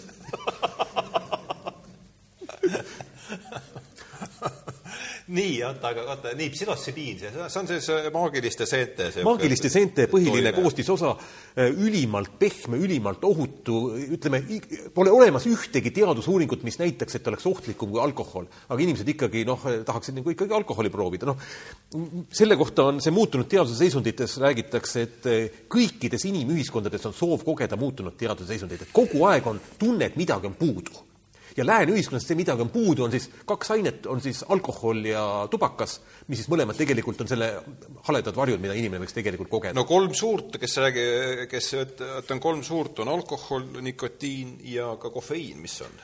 jah, ja no kofeiin ei tekita teistsugust taju, aga kofeiin teeb nii-öelda teravust natuke, jah, seda ka, kofeiin ta on, on jah ikkagi psühhotroopne. Psühhotroopne kindlasti. psühhotroopne, kolm suurt psühhotroopset ainet on siis alkohol, nikotiin ja kofeiin, jah. ja kofeiin ja kolm väikest on siis heroiin, kanep ja ja mis seal siis veel, kokaiin. kokaiin, no ma ütleks, et heroiini ja kokaiini ma tõmbaksin kohe maha, sest heroiini puhul muutub inimene sõltlaseks ta, ta mu- läheb nii-öelda vastsündinu hõljuvasse teadvusesse, kus kõik on nagu väga paigas ja sellel puudub igasugune psühhodünaamiline tähendus inimese arengule ja lisaks on tal vaja seda uuesti ja uuesti, uuesti kogeda. ta muutub ainevahetusosaks. noh, esimene asi kohe, psühhedeelikumide ja narkootikumide vahe on see, et psühhedeelsed ained ei muutu ainevahetusosaks. sul puudub igasugune vajadus aga siin ülioluline aru saada sellest, et see üldnimetus on psühhotroopsed ained, eks Jaa.. kuhu kuuluvad kõik, alkohol, tubakas, kohv, heroiin, kõik läheb, kõik Jaa. on psühhotroopsed ained, mis muud ja siis hakkab, peame hakkama seal, eks ole, neid asju panema eraldi, eraldi sahtlitesse. jah, jah. aga noh, see on, erinevad klassifikatsioonid on ka jah ja., eks, et, et et äh, narkootikumid loetakse ka rahustid, ergutid ja psühhedeelikumid ja noh, ülikoolis, kui sel teemal loeng jah, oli, Jaanus Arol on päris hea Jah., et on närviergutid, närvi, kas oli närvituimestid ja närvihälvitid. ja, jah, ja ta- ja noh, hälvit on juba, see on juba nii-öelda natuke eh, hinnanguline. hinnanguline ja, just, just, aga no nihkesse viied siis Jah. ja me räägime siis, kui me räägime psühhedeelikumitest, siis me räägime sellest psühhotsibiin, et nad mitte mingil juhul ei lähe, eks ühte, nad ei lähe siis ühte sahtlisse sellist noh, noh, heroiini ja kokaiiniga nad ühte heroiini sahtlisse ei lähe. ja heroiini ja, ja noh, mis see on siis fentanüül, mis on ikkagi otsetee põrgusse. ükski heroiinisüstija ei räägi, et ta tegeleb mingi vaimse teemaga või enesearenguga, siin ei ole nagu isegi sellest juttugi. no võib-olla ja, ja, ja, ja samas ma ei tea ka ühtegi psühhotsübiini tarvitajat, kes siis käiks mööda koole ja räägiks, et kui kohutav asi see oli ja, ja kuidas see tema elu ikkagi ära rikkus. sest ühtegi, ühtegi surma pole ka psühhotsübiini ajal kunagi juhtunud. et äh, räägime, ärme aja sassi kärbseseentega. nii, ja nüüd on teine asi siis, mis käis läbi jällegi MDMA, mis tuu on? MDMA on äh, ühel, see oli vist tuhat üheksasada neliteist või millal see nagu tuli välja, MDMA-ga kõigepealt ütleme seda, et tema patent on aegunud, et ta on kõigile nii-öelda kättesaadav, et ükski ravimifirma nagu sellegipärast ei tahakski temaga nagu tegemist teha, sest sa ei saa monopoli. Aga MDMA on siis empatogeen, mis loob sidet, see on hästi sarnane nende ainetega, mis siis tekivad ema ja lapse vahelise ühenduse loomisel oksütotsiiniga ja aga noh, nagu, ja kuigi ta on, ütleme, serotoniini nii-öelda tagasihaarde inhibiitorile, et sel ajal, kui MDMA on aine, mille ajal on võimalik ravida posttraumaatilist stressisündroomi, et ilma selle emotsionaalse komponendita mis see, tead sa sõnadest selle asjaga rohkem kui, mis on FDA, FDA see USA Ravimiameti seisukoht praegu selles? MDMA on jõudnud ka viimasesse etappi, kus siis on, praegu valmistatakse ette tuhandeid terapeute ja nii-öelda kolmas etapp on ja tahetakse kaks tuhat kakskümmend kaks tunnistada ravimiks. et see on nii-öelda ka absoluutselt, siin, siin ei ole nagu noh, mingit, mingit küsimust on ka noh, ta on jälle seesama asi, et eh, milleks ravimit, mida võetakse ainult üks-kaks korda, see on see Ravimiameti mitteametlik või ravimifirmade mitteametlik seisukoht. et ühe-kahe korraga inimene eh, saab lahti pikaajalisest depressioonist, sest ta näeb, näeb selles asja põhjuseid ja muidu ta, kui ta hakkab jõudma nende põhjusteni, siis ta põrkub tagasi, sest sealt on see hirm, valu ja ebamugavus. ja siis ta saab vaadata ilma valu, hirmu, ebamugavuseta ja kõik, kogu selle asja suudab ta oma psüühikasse ära integreerida tervikuks tagasi sest muidu on, noh, ütleme, kui on depressioonid ja asjad, inimene on mingi osa endast eraldanud. depressiooni alus on ju kaotus alati tavaliselt ja siis sa ei taha seda kaotust meenutada. aga selleks, et terveks saada, on vaja see kaotus meenutada, see emotsionaalne laeng läbi käia, ära lahendada, aga tavaolukorras seda ei ole hästi tihti võimalik teha. nii, südame avaja nimetame nii. jah, kus, kus see oligi vist? Aga MDMA ei ole klassikaline psühhedeelikum, sellepärast et ta ei tekita selliseid visioone, et sul seal värvid kõik läheksid ja suured erakordsed mustrid ja siis sa tahaksid kohe kunstnikuks hakata, et seda päris ei ole. aga see on küll, et sa oma rahakoti tahaksid kohe ära kinkida, sest et no milleks seda, sest see on, teistel on sama palju vaja kui sinul. See, see kasulik teada, et siis avalikes kohtades võib-olla mitte väga tuuseldada. nii, aga võtame selle raamatu, aga räägime sellest raamatust ka. no räägime sellest ka, jah, selle on, nüüd on, meil on tegelikult hästi, meil üks raamat on kasumis. et see on siis minu enda kirjutatud raamat Jalutuskäik iseendasse, mida siis teisi me oleme trükkinud tuhat ja seitsesada pealt jõuame nulli, mõni hakkab nüüd praegu peaaegu nagu nõud-, jõudma, seda on siis see on täiesti ainuke raamat, mis on ta kulud tagasi teinud või? ja, ja seda me oleme müünud kolm tuhat ja praegu tellisime juurde ja ta on jõulumüügis, isegi praegu pood ise ilma igasuguse minupoolse tegevuseta valis ta sinna keha ja hing mingite raamatute hulka kui menuki mm. -hmm. nii et on kõikides detsembrikuus kõigis raamatutes kassatsioonis ja noh, kui ma niimoodi kõiki neid psühholoogiat asju lugesin ja Wilhelm Reichist väga vaimustusin nii-öelda kes tema kehateraapia on, ma, ma, tema nime ma ei ole isegi Eh, teda on eesti keeles minimaalselt olnud, Eh, tema kohta on öeldud, et ta oli ikka noh, ka jälle nii-öelda geniaalne inimene, kelle taolist võib-olla kaks sajandit enam uuesti ei sünnigi. William Reich. William Reich. Ja tema oli siis see, kelle raamatut tuhat üheksasada viiskümmend kuus või tuhat üheksasada viiskümmend seitse Ameerika, ma ei tea, mis amet see oli, otsustas kõik põletada tema ja ja noh, oleks mitte ainult, et Freudi raamatuid põletati Saksamaal, vaid ka tema raamatud kõik põletati ära. mis aastast sa räägid praegu? viiskümmend kuus, tuhat üheksasada viiskümmend kuus. kuus põletati. ja, ja ta pandi vangi ka, jah, ja temal oli selline termin, noh, mis siis tekitas segadust, oli siis nagu orgoonenergia, mis ta ütles, et see on eluenergia ja ta üritas seda mõõta ja isegi Einsteiniga sai kokku vahepeal ja rääkis, aga siis Einstein nagu ikkagi taganes sellest, et kas see on või mitte. nii et see nii-öelda G ja kogu selle nii-öelda eluenergia tema nimetas teistmoodi ja tegeles selle nii-öelda mõõtmise ja uurimistega. See oli nagu üks asi, aga teine, mis ta tegeles, oli siis inimese psüühika energeetiliste kihtidega, et eh, inimeses energia liigub ülevalt alla põhimõtteliselt ja siis kaitsekihid moodustuvad eh, vertikaalselt ja esimene kaitsekiht on inimestel silmade juures. see on see inimene, kes ei suuda nagu nägusid teha ega midagi äh, ei julge nagu teha. et sa pead kõiki asju kontrollima silmade juures, siis on rinna juures, noh, sõjaväelastel, et sa pead sirge olema, ei lase läbi, kõhu juures, et kus ei lase tundeid läbi ja seksuaalorganite juures, mis on kaitsekiht praktiliselt kogu lääne ühiskonnal mm. -hmm. et ta siis nagu räägib, mismoodi neid füüsiliselt, neid kaitsekihte nagu läbida, seda ma tõesti täiesti soovitan nagu lugeda. et seda sul siin sarjas ei ole? selles, tähendab, siin sarjas ei ole, aga minu enda raamatus on sellest eh, tervelt kaks peatükki. ma see- põhjalikult nagu kirjeldan seda. Aga kuna ma psühholoogiat õppisin ja kõik need asjad, mis ma seal olin kokku saanud, ma siis panin, ühel hetkel tundsin, et läbi, läbi oma isikliku kogemuse, et mitte mingit teaduslikku ja tobedat raamatut kirjutada, siis ma hakkasin lihtsalt, kirjutasin ühe raamatu. ja, ja tuli päris niimoodi hästi välja, et kui ma nagu ise ka lugesin, kui ma ise teda mõnikord loen, siis ma isegi imetlen, et oi, kes see nii huvitavalt on kirjutanud. ikka et, et kohe, kohe hea on lugeda. no vaata, see Philip Rothiga oli äh, intekas, siis see, sa, see intervjueerija küsis, luges talle ette, et siis raamat, siis äh, Roth enda raamat, Roth, oh that's very good, who wrote that?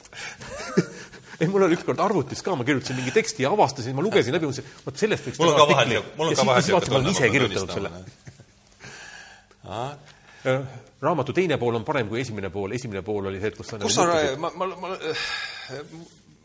mul jäi ta ajapuudusel, jäi, ma olen, ma olen kusagil esimese kolmandiku peal. siis sa oled kõige halvemas kohas. kus sa, kus sa räägid sellest, ahaa, Wilhelm Reich on sul siin ja, Jaa. kas ma võtan selle jõuluaeg ikkagi äh, hakka Reichist lugema, kõige lihtsam. või, ja või, või kõige parem on kaitsemehhanismidest. sealt läheb juba hästi. kaitsemehhanismidest. persona mask, see on ka väga huvitav. Jaa, psühholoogilised kaitsemehhanismid, no nii, vaata, siin on siis patoloogilised kaitsemehhanismid, et noh, küsimus teadvus ja alateadvus, ego, ego psühholoogilised funktsioon, ah, niisugune struktuur, ma ad- adun struktuuri küll siin natuke, jah. Persona mask, psühholoogilised kaitsemehhanismid, mis sa struktuuride all mõtled siin? Äh, see on üks niisugune psühholoogiliselt, tähendab, ma, seda äh, on päris raske kirjeldada, noh, ütleme, võtame siis kehas, kehas on omaette struktuur, on südame struktuur, magu, vereringe, igaüks on omaette struktuur ja kuidas mm -hmm. nad nagu nii-öelda koostööd teevad. ja siis on nii-öelda psüühilised struktuurid, näiteks on olemas matemaatiline struktuur, et kui ma küsin, palju on seitseteist pluss seitseteist, siis käivitub mingisugune struktuur mm. -hmm. siis on nii-öelda tundestruktuurid ja siis on mis struktuurid, mis teevad omavahel koostööd ja mis ei tee. Ja siis on struktuurid, mis tulevad üles ilma sinu tahtest, sõltumata näiteks mingid sundmõtted, asjad. ja millised asjad, milliste struktuuride käivitamine on võimalik tahtega suunata millega mitte. see on natuke, põhineb Charles Startil. nii et see on Charles Start. Charles Start, jah. Tart, jah. Charles Tart, kes tema on, mina ei ole temast. tema on ka psühholoog, kellelt on eesti keeles ilmunud siis see raamat see on sul siin sarjas, ei ole? enne, ei, see on, see on selle sarnane, selle sama, see sai läbi müüdud enne, kui meieni jõudis mm, -hmm. väikse vankri poolt. tema oli siis ka psühholoog, kes mis see, mis see põhiteos on või et mis see eesti keeles ilmunud teos on? teaduse seisundid. teaduse seisundid. seda ma lugesin, kui ma esimene kord Brasiiliast tagasi sõitsin ja siis mul oli kõik aru saada, mis ta seal kirjutas mm. -hmm et äh, see nüüd ei ole päris nii, nagu see, kes see ütles, William James, et, et äh, kui ta tegi seda naerugaasi, et siis ta sai aru, millest Immanuel Kant räägib. Et mul oli ka, ma, aga hiljem oli ka see raamat arusaadav, nii et see on natuke struktuurid, et mismoodi James tegi jah naerugaasiga seda, ma, ma olen mingit elulugu lugenud, see ka. Noh, tulevad mingid muud asjad peale jälle sealt et jah, niisugune loominguline hetk tuli mul mingil ja siis see nagu valmis. ja sul on praegu ju raamat pooleli, räägi sellest ka. jaa, praegu me..., praegu ma kirjutan raamatut Jalutuskäik raha alkeemiasse, kuna ma olen ikkagi vahepeal kümme-viisteist aasta jooksul ma arvasin ikka mingi neli-viis tuhat artiklit äh, raha kohta lugenud, äh, mitte klassikalisi artikleid, aga need, mis kirjeldavad, mis nagu toimub ja millel on nagu, kipub nagu rohkem olema õigust kui IMF-i pressiesindajal. ja siis ma mõtlesin, ma panen nagu need asjad ka nagu, nagu kirja niisugusesse loetavasse vormi, et siis jah, jalutuskäik raha alkeemiasse. millal see on tulemas? Äh, see ilmub juulikuus.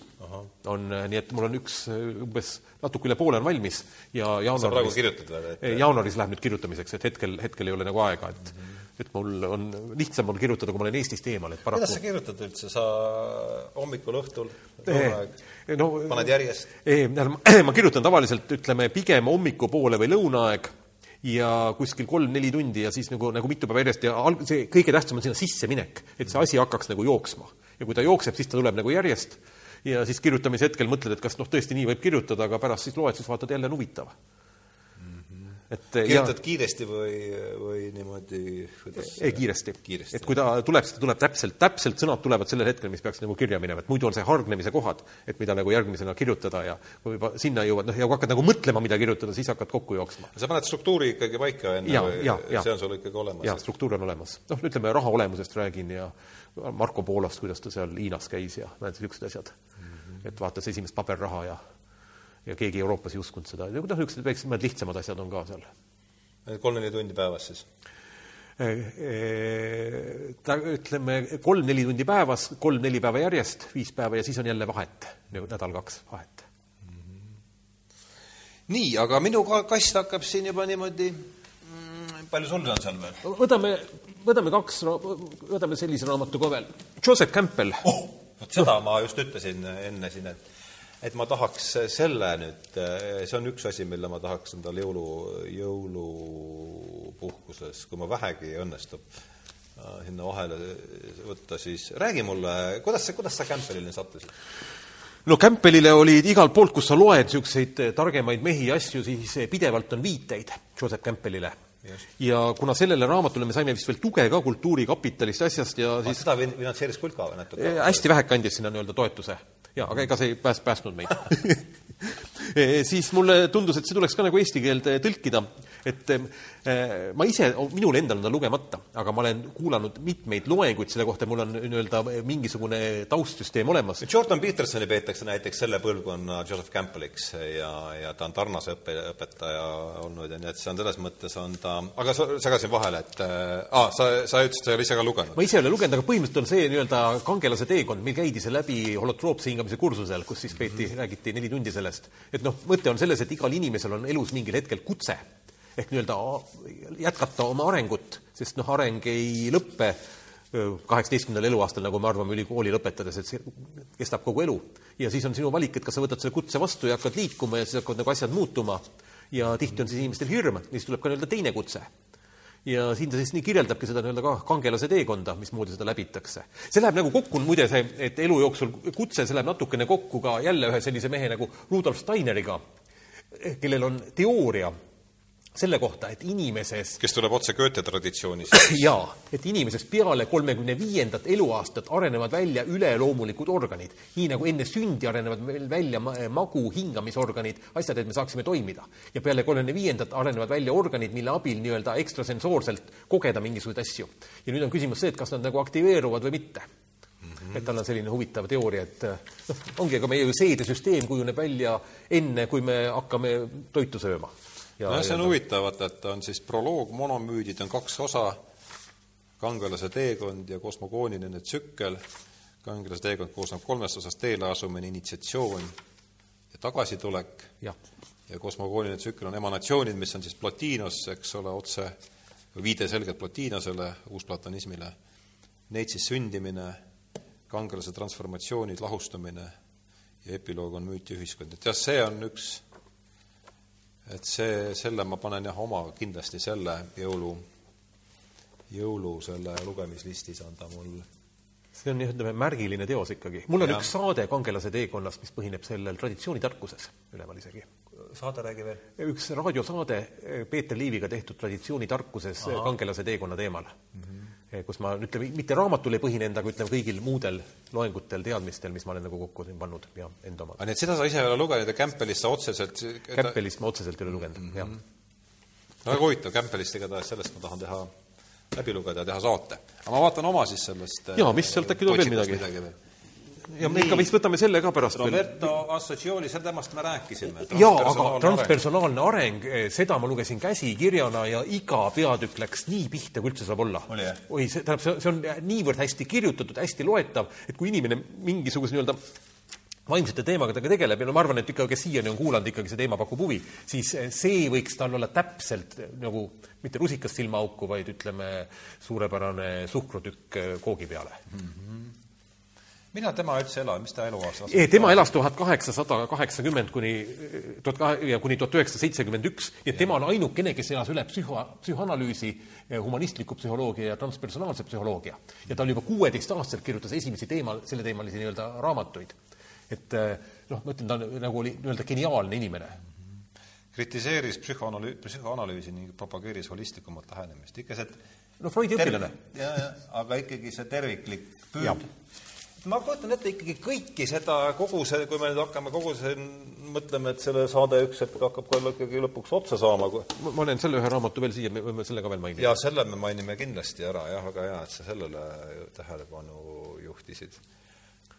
et, ähm, et eks võib-olla ma eksin, aga mulle tundub, ja ma olen siit lugenud kahte-kolme raamatut vist, aga, aga selle väikese valimi baasil mulle tundub, et selle ikkagi niisugune hingestav püüdlus kogu selle sarja all on ikkagi mingi puudus mingi niisuguse terviklikkuse te, terviklikkuse poole, kas mitte? siin jaa, ma arvan küll, selle, ütleme, kõik need raamatud on, aitavad kaasa terviklikkuse poole ja kui ma nagu iseenda arengust äh, räägin, noh, ma olen igasugu asju ju ka õppinud ja käinud koolitustel, siis minu, mind puudutas kunagi mingisugune mõte, et kui sa ei jaga edasi seda, mida sa ise oled kogenud, siis sinu enda areng jääb seisma ja kui ma ise olen nagu kogenud ja ma olen saanud, ütleme, nendest raamatutest midagi, siis noh, see on ju elementaarne, et sa püüad seda nii-öelda ka teistele jagada ikkagi. et see on selle nii-öelda nende eesti keelde tõlkimise mõte. see on, see on ikkagi see, et kui inimene seda mingit raamatut loeb, siis ta ikkagi, teadus läheb hetkeks kõrgemale, ütleme, see tänapäeva maailm, noh, kui me, kui sa vaatad ikkagi uudiseid, asju, siis see tõmbab teadvust allapoole. et küsimus on see, et eh, kui sa isegi tuhat inimest loevad nii-öelda positiivset raamatut, siis ikkagi see teeb ju maailma paremaks ja noh, minu jaoks ta tegelikult ongi niimoodi. päevauudiste asemel. jah. no ma ikka loen ka pealkirjad ära, et kas tuumasõda on hakanud või ei ole hakanud, eks ole, tahaks nagu teada ja ja, ja noh, niisugust seda ja kaugel see majanduskrahh nüüd, ütleme, see totaalne krahh on ja ja noh, ütleme, vesi vist nüüd ikkagi nüüd kümne aasta jooksul Antarktikas ei tõuse. et, et seda nagu kümne aasta jooksul nagu päris karta ei ole, aga aga järgmine aasta võib-olla sulab ära küll. oi jah. ütleme, et noh, et jätaks need teemad ära, et siis tegeleks mille me, millega me niikuinii suurt midagi, meie võimalus peatada Antarktika jää sulamist on null. jah, ma olen ka seda meelt, et see on ja see, et see mis see on see kliimatüdruk, et tema koosolekul hääl kähedaks karjuda, see ka ei aita. ei, ei, tähendab, ütleme tegelik, tegelikult toimub isereguleerumine niikuinii ja siis aa, see lihtsalt on huvitav. jaa, see on kõrgem tarkus. kõrgem tarkus, auväärsed vanemad mõtisklevad psühhideeli-, psühhedeelikumide kestva mõju üle, see on abu, nii, räägi sellest. siin on, see tuli üsna hiljuti. see tuli kaks aastat tagasi vist välja Ja, ja, Eh, siin on nagu mitmed autorid ja siin kirjeldatakse ka nii-öelda, mismoodi see nii-öelda psühhedeelsed ained on teadlasi aidanud, et üks asi, mis nad ütlevad, et ideaalne pidi olema see, nimetati õnnelikud hallpead, öeldi nende kohta, kes elus esimest psühhedeelset ainet tarvitavad peale neljakümnendat eluaastat, kes on juba eelnevalt midagi elus saavutanud ja siis nii-öelda hakkavad toimetama, Aldous Huxley oli muide ka samasugune, ma ei tea, kas Aldous Huxley saar on mul kaasas? me andsime välja esimese ilukirjandusliku me teose. anname Huxley välja nüüd. see igavene, igavene Perennial Perennial philosophy. vaat kui hästi, ma tahan Aldo Saksli kohta teha veel ühe sellise filmiõhtu jaanuarikuus ilmselt no, me andsime välja raamatu Saar. ko- kokku midagi. kuule, seda nüüd kohe räägime, näete, kui tore, kuulajad saavad ka teada. me andsime meil esimese, kahe, sisuliselt ma ei mäleta, kus meil on ta ikkagi vene ammu juba toimetaja Millal? ma arvan, et see oli kindlasti esimese poole, enne suve tuleb Huxley välja meil. ahah, sest ma, no ma kusjuures Märt pidi vaatama neid, neid äh, luuletõlkeid seal, ta tuleb see Exa, Exa alt tuleb meie. ahah, kuule, selle selle, juurde tuleb kohe tagasi siis, jah. Huxley juurde tuleb tagasi. jah, sest Huxley oli ju maailmakuulus kirjanik, kui ta esimest korda meskaliini tarvitas. ta oli viiekümne kolmandal aastal. me räägime nüüd Aldusest. Aldous, Aldous Huxleyst. Brave New Worldi. Brave New World ja tema viimane raamat oli raamat Saar. Selle me andsime välja, mis on siis nii-öelda positiivne utoopia, kuigi noh, raamat on nii ja naa, eks ole, kuidas ta lõpeb edasi, et milline võiks olla see nii-öelda ideaalne maailm. siis äh, sellele vastandina hea, heale uuele ilmale. nii, et aga ma jõudsin sinna, et sellised nii-öelda pea, siin raamatus kirjeldab ka, et mismoodi peale neljakümnendat eluaastat pidi siis väga, väga hea olema nendel, nendel inimestel. ja siis ta toob siin neid kõiki neid teadlasi ja näiteid ja noh, Francis Crick näiteks oli ju ka, et ta selle DNA biheliksi oli lahti harutanud mitte loogilise mõtlemise tulemusena, vaid LSD tulemusena, mille üle nagu muidugi teadlased nagu vaidlevad, noh, kindel on see, et ta igal juhul kanepit väga tugevalt toetas.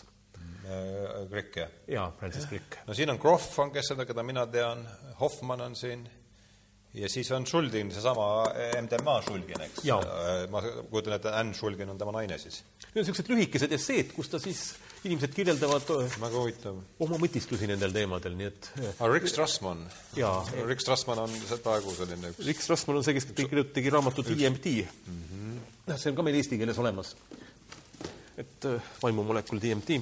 see on ka sul olemas? See on ka olemas, jah. räägi sellest, ma vaatan nii kaua, mis noh, tema siis see Šulginid ongi kirjutanud siin, need MDMA Šulginid on kirjutanud, kui palju inimesed, kui palju saavad inimesed muutuda, kahekümne leheküljeline Aleksandr Saša Šulgin ja Ann Šulgin, väga huvitav, see on mm, -hmm. soovitan no, no DMT, vaimselt, see peaks olema vaimselt huvidega prouadele nagu, nagu no, rusikas no. silmaauku. no DMT kohta öeldakse seda, et kui inimene hingab DMT-d sisse, siis piisab viieteistkümnest sekundist ja kogu tema materiaalne maailmapilt kukub kokku. selles ei ole mitte mingisugust kahtlust. ja see kestab viis minutit, et või seitse minutit, et noh, sellest nagu nii-öelda piisab ja, ja kuna siis need ilmselt seal Ameerika see Terviseamet ei olnud väga hästi kursis, et kui ta hakkas sellele luba taotlema, siis ta kuidagi sai loa sellele kuskil üheksakümnendatel aastatel, mis siis oli ka omaette müstika, et ta sai, siis ta tegi oma uuringu ära. Rasman sai üheksakümnenda aastatel 90 aastal sai loa. kõik imestavad selle, kuidas ta selle loa sai. jah, et no ilmselt nad ei saanud aru, millal nad loa andsid, nii et ta tegi selle uuringu ära inimestega ja siin on siis inimeste kogemused, mis siis lähevad eh, kõik muidugi üle piiride ja kauge, kaugele välja. et aga sellest raamatust ma ei soovita alustada. see, see, see eeldaks natu-, see eeldaks isiklikku kogemust, siis on nagu seda mõistlikum nagu lugeda. et eh, see on ikkagi ülikooli no viimase kõiki kursuse. kogukastid ei jõua läbi, ma arvan, pole mõtet ega siin, meil on võib-olla kasuks ta veerand tunniga nagu on sul midagi veel, mis sa tahaksid sealt niimoodi, see Jungi hingeatlas, millest meil oli juttu ma lihtsalt ütlen, et mis on meie kõige populaarsem raamat mis räägi. hakkab kohe varsti läbi saama Nii., on biotsentrism ja biotsentrismi autor oli siis selline noor mees, kus läks ülikooli ja läks alla riidehoidju, küsis, vabandage, kas teil mõni Nobeli preemia laureaat ka töötab? ütles, et näed, seal üleval üks ja kabinet on seal, siis läks sinna sisse, koputas ja ütles tere, et ma tahaks tulla siia praktikandiks. ja noh, siis ta nagu saigi seal ja, ja, ja tegutses ja see noh, selle autor siis? selle autor jah, aga noh, siin ta räägib ka nii-öelda kvantfüüsikast ja sellest kahe pilu eksperimendist ja, ja sellistel teemadel nii-öelda see oli see elektroni teekond siis Jah. läbi, läbi, ma ei mäleta, mis Kas see oli- üks, üks olulisemaid kvantfüüsika eksperimente.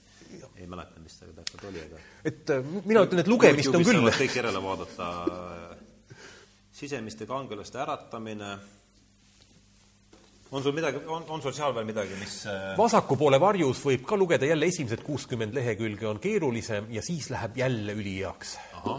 et on tunda, et kuidagi kirjanikud ka peavad ennast lahti kirjutama või soojaks mängima. Jah. et ta kirjeldab seda, et mismoodi meie vasak ajupoolkera domineerib parema üle ja kuidas paremal poolel on ikkagi see intuitiivsus, vahetu teadmine ja mismoodi nii-öelda mõtted eh, takistavad eh, meil reaalsust kogemast. ja mismoodi me oleme kaotanud ära sellise nii-öelda ühenduse loodusega on sul seal kastis veel, Alar, midagi, millele sa sooviksid tähelepanu juhtida, enne kui ma nii, aga juhatan sisse raamatu, mis mulle siit, mulle isiklikult aga siis ma näitan üks, mis natuke meie sarjast natuke välja läheb, aga see on siis nii-öelda, mõtlesime, me teeme ka nii-öelda natuke bestsellereid müüme, on karmadiagnostika. ahah, et see on siis Lazarev, eh, vene selline ka natuke ekstrasens, kes siis on tegelenud inimeste tervenemisega kakskümmend aastat ja kirjeldab, päris hästi kirjeldab mingeid nii-öelda protsesse, mismoodi meie nii-öelda mingi viha teiste inimeste vastu ja allasurutud tunded meid mõjutavad ja kuidas nendest nagu lahti saada ja kuidas need kanduvad nagu edasi ja nii-öelda suguvõsa karmat. nii et see on natuke niisugune eh, natukene tavasarjast natukene väljapoole minev, seepärast on natuke teise, teise mõõduga ka. aga ta on eh, hästi loetav hästi kergelt loetav. ja need kõik, kes loevad, on eh, ikkagi sellest raamatust nagu väga tugevalt mõjutatud.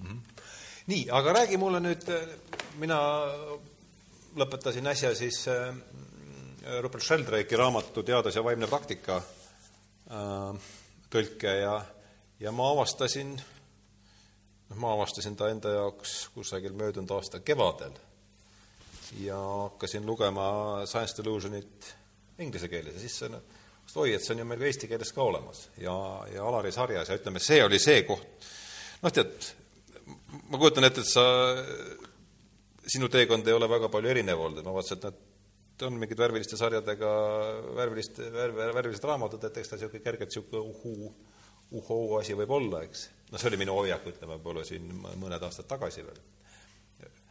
aga et noh, ütleme, see oli, kui see oli, see raamat oli minu jaoks, mis pani kogu seda sarja ja on olnud, noh, juhatanud kätte nagu väga olulise teeotsa, et kuidas sina Sheldrakeni jõudsid? Kuidas selle raamatuni jõudsid? no ei, me, me, ma arvan, ma esimest korda kuulsin ka Sheldrake'ist eh, Louis Luna juures, kui ta rääkis morfogeneetilistest väljadest ja Sheldrake'ist ja nii-öelda teooriat. Louis rääkis, eks? jaa, Louis rääkis ja, ja siis ma ikkagi sattusin ka selle Youtube'i loengu peale, kus Sheldrake'i loeng koos äh, selle, kellega koos ära keelati, oli Graham Hancockiga? ja Graham Hancockiga loeti nii-öelda mitteteaduslikuks ja see niimoodi vähehaaval hakkas tulema ja kui siis Tanel ütles, et kuule, tõlgime dogmadeta teadused, see on niisugune hea, millest, millest alustada, ma ütlesin, noh, loomulikult liigume selles suunas. aga kui sa nagu ütlesid, et see dogmadeta teadus pani sind teisiti mõtlema, siis mina mäletan, et ma just lugesin ühte sinu artiklit William Jamesi kohta ja selle nii-öelda ja religious experience'i kohta, siis ma mõtlesin, vau, tähendab, et näed, et on Eestis ka veel keegi, kes seda ja, ja, ja kes nagu seda teemat on nagu puudutab ja et noh, see ei saa nagu iseenesest tulla. ja, ja samas see on alati arenguline protsess. see ei ole niimoodi, et sa nüüd järsku võtad kätte äh,, hakkad William Jamesi lugema, siis noh, see nagu ei ole. Kõigepealt tuleb ikka selgeks õppida tähed, siis sõnad, siis laused, siis kirjutada novelli, alles siis saad romaani kirjutada. Jah, ja see William Jamesi lugu oli mu enda jaoks ka väga, väga oluline, mis võttis noh, mingi, mingi etapi, mingi etapi kokku, et aga kuidas sa üldse, sa loed ju, kas sa loed originaalis nad alguses läbi Ei. või ei, ikkagi, ikkagi tõlked pärast, jah? ja tähendab, ma vaatan ikkagi ka nii-öelda soovitusi noh, ka, näiteks ütleme, see seesama Huxley Island, saar, mille ma nüüd just ise lõpetasin, noh, ma noh, ma ei teadnud millestki, no loomulikult mul on hea meel, et ma selle ikkagi tõlkisin. ma arvan, et ma olen küsinud äh, Louis Luna käest, eks ole, millist raamatut välja anda. Aga Louis on olnud sulle Louis on mulle soovitas see Ayahuasca antoloogia või siis näiteks seesama Pühad teadmised, William, William Richards, mille kohta eh, mul ka soovitati, et see on kõige parem raamat psühhedeelsetest ainetest, mida nagu lugeda. Et eh, see on sul, see ilmus ju üsna ja seda luges üks Eesti selline ka tuntud noh, no ütleme, filosoof, mõtleja ja ütles, et mõtles, et loeb natuke, luges esimesed kümme lehte läbi siis veel kümme lehte ja siis luges kuni hommikuni. psühhedeelikumid ja religioossed kogemused on siin siis ja kui sa ise ei ole lugenud, siis ma soovitaks küll isegi kohe listi panna. see on päris hea, see on, ütleme siis kahekümnenda sajandi üks kuulsamaid äh, protestantlikke teolooge ja, ja niisugune eksistentsialistliku, meil on temast saade, teise hooaja avasaade oli meil Tillichist koos äh, koos siis Toomas Pauli ja Alar Laatsiga, ja kõige tähtsamast vist oligi selle ja Tillichilt on siin selline tsitaat valitud äh, selle raamatu alguses, tuleb märkida, et ilmutuste kogemine on inimkonna jaoks midagi universaalset.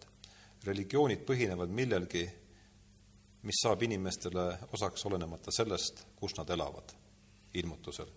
ilmutus on eripärast laadi kogemus, mis on alati seotud mingi päästva jõuga ilmutust ja päästmist ei saa kunagi üksteisest lahutada. jumal hoolitseb selle eest, et teda kogetaks. see on siis Paul Tillich, The Future of Religions, veel kord, ta on siis üks kahekümnenda sajandi kuulsamaid. Ja Youtube'is on muuseas mingi kuue, väga huvitav vestlus on äh, siis Tillichi ja Carl Rogersi vahel. ahah mingi uue mustvalge, suhteliselt kehva kvaliteediga, äärmiselt huvitav, need Rogersi, Rogersi raamat. mis sul Rogersilt oli, mäletad seda? Rogersilt on Saada iseendaks. aa, aga räägi Rogersist ka natukene. palju sa Rogersist, ma tean, Peterson on Rogersist. no mulle tuleb, tuleb esimesena meelde, et just seesama et inimesel on ikka seesama potentsiaal ja, ja teiseks, et mis selleks nagu väljendada, on impulsid välja. tähendab, inimene ei pea enda sisse koguma, aga impulsid välja ei tähenda seda, et sa oleksid lõhkuv, tähendab, see tähendab just pigem on see nii-öelda spontaansus. et inimene peab olema spontaanne olukorras. niipea, kui inimene hakkab endale mingeid piiranguid panema, siis hakkab kohe nii-öelda jälle asi nagu kokku jooksma. Eh, Rogers oli Ameerika Psühholoogide Assotsiatsiooni president kuuekümnendatel aastatel, nii et see oli sel aeg, kus ikkagi humanistlik psühholoogia domineeris. Ja ma olen näinud tema videosid, kuidas ta nagu inimestega suhtleb ja teraapiat teeb, et noh, see on, täiesti usun, et see ikkagi inimesi ravis aitas ka. Tema mõte on see, et põhiline termin oli tal, mäletan, üks, et tingimusteta positiivne tagasiside mida peaksid kõik lapsevanemad aluseks võtma, sest see, kui sa last karistad ja survestad või see nagu ei ole, et sa pead, noh, inimest muidugi on olemas mõjutamismeetodid teised, aga tingimusteta positiivne tagasiside. et kui inimene läheb teraapiasse ja siis talle öeldakse, kuule, sa oled rumal, noh, siis see nagu, nagu ei aita. et ei, alati ükskõik, mida inimene teeb, sellel on olemas mingisugune põhjus, igal hetkel teeb ta alati kõige-kõige parema, mis ta oskab ja mina olen läbi, mina olen tast suuresti läbi Petersoni kuulnud, Peterson on, Rogerson on oluline, oluline mõtleja ja minu arust, kas see oli Rogersi mõte, et see, mis ravib, on niisugune aus, aus, aus, aus suhe. ausus, jah, täpselt. jah, et kas ta on siis patsiendi ja patsiendi ja, ja ars-, siis psühhiaatri vahel või mehe ja naise vaheline, abikaasade vaheline suhe või sõprade vaheline suhe, et see ja mis on väga loogiline sellest, et siis sa saad ju seda jaa, see on autentsus. see on väga, jah, jah, autentsus ja ausus ikkagi põhimõtteliselt ja, ja, ja see see oleks Petersonile väga hea mõte, et see vaimse tervise probleem on niivõrd keeruline, et me noh, sisuliselt et me lahendame selle allhanke korras, et kui me jääme üksi, üksi sinna teki alla mediteerima, siis see on nagu noh, jah, et see, et nende väikeste signaalidega, mis sa mitteverbaalsed signaalid ja kõik see toimib. nii verbaalsed kui ka mitteverbaalsed signaalid, mida sa saad sellest ausast suhtest, see hoiab, see on ainuke viis mm, püsida terve mõistuslikkus, see tundub, ja minu meelest see oli Rogersi niisugune seal ta raamatus kirjeldab ka ühte koolitust, kus tekkis see autentsus kuskil kolmandal päeval ja kõigi inimeste jaoks on see kakskümmend aastat hiljem ka ikkagi, noh, see on nagu grupiline omamoodi müstiline kogemus, et see on siin hiljem olnud samamoodi noh, niivõrd üks elu olulisemaid koolitusi ja hetki. et kuidas see grupp nagu seal tekkis, nii-öelda see autentsuse grupp ja nii, aga ütleme siis nüüd, kasuks nüüd veerand tunniga tõmmata mm, äh, otsad kokku, et äh, publikumist võib-olla mingeid kommentaare, küsimusi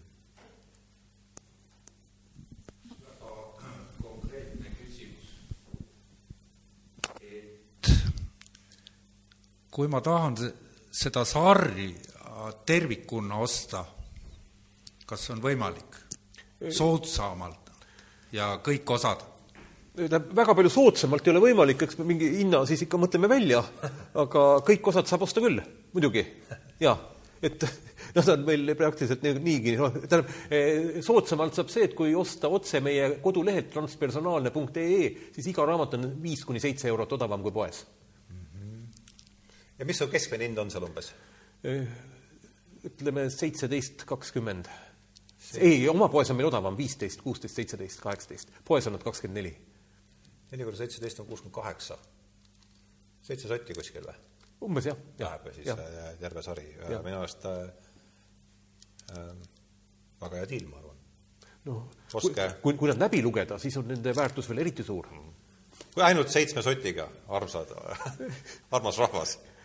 muidu, muidu saadud, nii et äh, ja seitse sotti on ülemine piir, nojah, nii et noh, no seitse, kui, kui ta kusagil seitse, võtsime praegu hinna välja, seitse sotti. no umbes suurusjärk, nii, väga hästi saadud. nii, palun. aitäh, väga huvitav on olnud. ma tahtsin küsida, jaa, ja ma tahtsin küsida selle protsessi kohta ja just raamatute valiku protsessi kohta. et kas on mingi niisugune natuke kindlam muster ka, et vot, et äh, alustasin ühest raamatust, siis see viitab teistele raamatutele ja siis ma hakkan valima neid välja ja siis tekib see virn mul kuskile äh, raamaturiiulile või sinna öökapile ja siis hakkan neid läbi lugema ja siis järjest mõtlen, et vot seda, seda tahan tõlkida, seda tahan tõlkida. et on mingi niisugune kindel protsess ka? ega ikka väga ei ole, tähendab, on kuskilt pidi need mingid raamatud on jõudnud minuni ja, ja siis on mingi millegi järgi see nagu otsus on nagu tulnud. Et eh, iga raamatuga on ikkagi see täiesti erinev, et noh, näiteks seesama, võtame Jungi hingeatlas, kuna ma olin just Jungist ja Varjust oli, siis kuskilt ma nagu sain selle ingliskeelse raamatu ja lasin selle ühe peatüki ära tõlkida eh, Varju kohta. Ja see oli niivõrd hea, siis ma tundsin, et see kogu raamatu peaks eesti keeles olema. et see jõudis kuidagi, kuidagi sedasi. Vari, varjust on seal kirjutatud? ja, ja vasaku poole varjus jõudis sedasi, et ma lugesin seda inglise keeles ja, ja ei ta suutnud käest ära panna ja, ja siis ma pidin selle ingliskeelse raamatu ära andma ja siis ma sain aru, et tuleb jälle eesti keelde tõlkida. ja noh, Assagiolist ma nagu esimene raamat oli tõlgitud ja, ja ma tahtsin tast ikka veel ja veel teada ja siis ma lasin teise tõlkida ja teine oli veel parem kui esimene. et nad, et nad iga, igaüks on, jõuab ikkagi täiesti omaette. et päris selget mustrit ei ole. ja siis mõtlesime, anname välja ilukirjandust, andsime välja selle Aldo Saksli Saar ja nüüd on meil veel teine ilukirjanduslik välja tulemas et kuskilt ma lugesin, et Balzacil oli ka mingid kolm raamatut sellistes nii-öelda spirituaalsuse vaimsetel teemadel ja siis ma mõtlesin, ma tahaks lugeda, et eesti keeles on nii-öelda Balzaci kogutud teosed, aga ei olnud Balzaci kogutud teosed, need suur pikk riiul, see on valitud teosed. ja loomulikult need kolm raamatut olid välja jäetud, mis olid sellistel nii-öelda metafüüsilistel teemadel. ja siis me nagu neid praegusel hetkel ka tõlgime. et mingi, mingi, mingi tõuge peab olema loomulikult aga mitu raamatut siis praegu plaanis on või pooleli palju on? sul on praegu torusse valmis neid tulemas? ma igaks juhuks ei ütle, sest mõned raamatud on mõnikord hilinenud päris mitu aastat rohkem, kui ma olen nagu plaaninud. suurusjärk umbes on seal kümmekond alla, alla, Alla, alla, kümne on hetkel, et hetkel on nagu, nagu, nagu natuke on hoog natuke maha tulnud. aga tulevad, jah. mul ka küsimus, võib-olla kaks küsimust, et äh, võib-olla inimesele, kes, kellele kogu see informatsioon tundus väga uus, et kust pihta hakata ja võib-olla siis inimesele, kellel on juba olnud palju kogemusi ja, ja, ja palju jutt tundus tuttav, et, et kust Jätkata., mida, kus tema võiks jätta, jätkata? nii, et kes esimest korda, mina ütlen otse, raamat Kõiksuse lühilugu on ideaalne raamat, millest alustada. Ken Vilber. Ken Vilber. Ma olen ka aru saanud, et see on jätnud sulle sügava ja, ja, ja kindlasti võib ka see kõiksuse teooria. ja kes on nagu rohkem, siis ma ikkagi soovitaks seda täiesti, kus see oli see transpersonaalse ja psühholoogia tekstikogumik. ahah, see oli meil üsna alguses. jaa, siin see on ilmselt see. et tekstikogumik, et siin on iga peatükk, ükskõik millise nagu võtad, et eh, budismi panus transpersonaalsesse psühhiaatriasse, kõik teemad on nagu äärmiselt huvitavad. Et teadvus, informatsiooniteooria ja transpersonaalne psühhiaatria. nii et see on selline, kus ta saab nagu sellist nii-öelda laia pildi ja siis on igat asja võimalik nagu edasi minna. jaa, see tundub jah, see on selles mõttes jah, et tead, see on ju artiklite kogum, et siit saad äh, ja kõik need artiklid, ma kujutan ette, et need on siin, eks ju, viidetega, nii et siit saab jälle need Jaa. jah, artiklite, artiklikogumikud, ma arvan, on hea, et siit sa saad erinevad selliseid äh,, erinevad äh, ja noh No see- võib alati on, ütleme ka raamat Erakordsed unenäod, mille kohta mul üks sõber ütles, et noh, luges, ütles, et nii, ütles, et meie sarja parim raamat. et äh, võib ka seda, ütleme, see annab lihtsalt natuke juurde taustsüsteemi unenägude kohta, sest noh, et küsimus on selles, et kas unenägu on mingi juhuslik asi, mis meil seal ajus toimub, või siis teine variant on see, nagu ütles ka Jung, et ki- unenägu on kiri meile meie alateadvuselt. aga me oleme mugavad ja laisad ja ei loe seda läbi. et hea on ka nii-öelda natukene unenägudele tasub tähelepanu pöörata, oi, see on, ja see on väga huvitav, eriti kui sa kirja paned ja hakkad märkama, millest unenäod räägivad ja seeriad ja aga see, see ayahuasca ontoloogia, räägime sellest siis ka juba üksiti, kui see teema siit täna läbi no kuna ayahuasca on ka nii-öelda ületanud kultuurilise piiri nii-öelda sellest, et nii-öelda natuke teatakse seda natuke rohkem, siis me otsustasime eesti keelde tõ- tõlkida nii-öelda põhi ayahuasca raamatu, kus on noh, kõik, kogu asi, see on suhteliselt keeruline, ta ei ole niisugune lihtne lugemine see on Luisi kokku pandud? jaa, Luisi poolt kokku pandud, aga see annab eh, ülimalt põhjalik ülevaate, mis asi see ayahuasca tegelikult on ja nii-öelda põlis-Ameerika rituaalidest alates ja mida ta nagu tähendab ja ka kaasa arvatud keemilised koostised ja asjad. et see annab sellise noh, kui ikkagi teema sügavuti huvitab, ma, ma ei soovita sellest ka alustada. aga kui teema sügavuti huvitab, siis ta on nagu väga hea raamat. alustamiseks on, ma arvan, Naabi, Naabi kosmiline siug selles kosmiline siug ja pühad teadmised. Ja kosm-, ja see ka, see kõrgem tarkus on samamoodi. et väga, väga ideaalsed alustamiseks nii, veel küsimusi? kuule, aga siis äh, võtame siis kuidagi kokku selle asja, et mulle meeldis see, lihtsalt viimaseks küsimuseks, et mis see Will Durant ütleb oma selles lugudes filosoofiast äh, Henri Bergsoni kohta, peatükis Henri Bergsoni kohta, et kahe, moodne filosoofia kujutab endast äh, siis füüsika ja psühholoogia vastasseisu ajalugu või, või, või moodne filosoofia on, või nüüdisaegne filosoofia on siis filosoofia ja, tähendab, nüüdisaegne filosoofia kujutab endast ähm, füüsika ja psühholoogia vastasseisu. kuidas sa sellest äh, lausest äh, aru saad äh, lõpetuseks? noh, ilmselt on tal oma mõte seal, et mina, minul meeldib nagu selline lause, mida ma ütleks lõpetuseks, et nagu praegu öeldakse, et et kui, et psühholoogia on siis nagu öeldakse, et on, on nagu tegelikult nagu bioloogia ja bioloogia on siis ju nagu tegelikult keemia. ja keemia on siis tegelikult ju füüsika. Füüsika, ja füüsika siis on ju tegelikult matemaatika. et, just, et saa sa siis nüüd aru, et mis asi on miski ja kus see transpersonaalne psühholoogia on ja, ja ikka see vastuseis on see, mis arendab.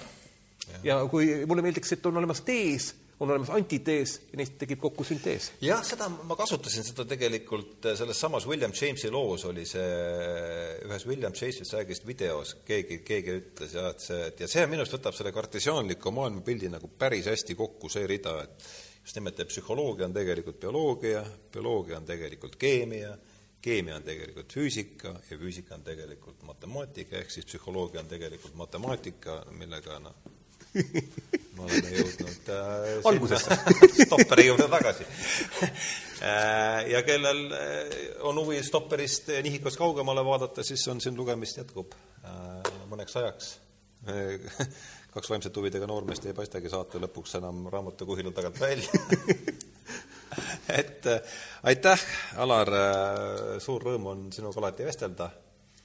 aitäh selle eest, mis sa oled äh, teinud äh, ja, ja aitäh äh, teile kõigile, kes te siin, kes tegid saate võimalikuks ja kes te meid siin kuulasite, et ega seltsis on ikka segasem niimoodi lobiseda, et veel kord suur tänu kõigile, suur tänu kõigile, kes vaatasid ja, ja head õhtut, et äh, kui kellelgi on päevauudiste asemel, äh, otsivad endale säästlikumat äh, elulaadi, siis siin on ütleme, kümne, kümmekonna aasta AK-de jaoks nagu seda asendustegevust. ja minu poolt kah aitäh kutsumast ja aitäh kõigile, kes jõudsid äh, lõpuni vaadata. aitäh! head õhtut!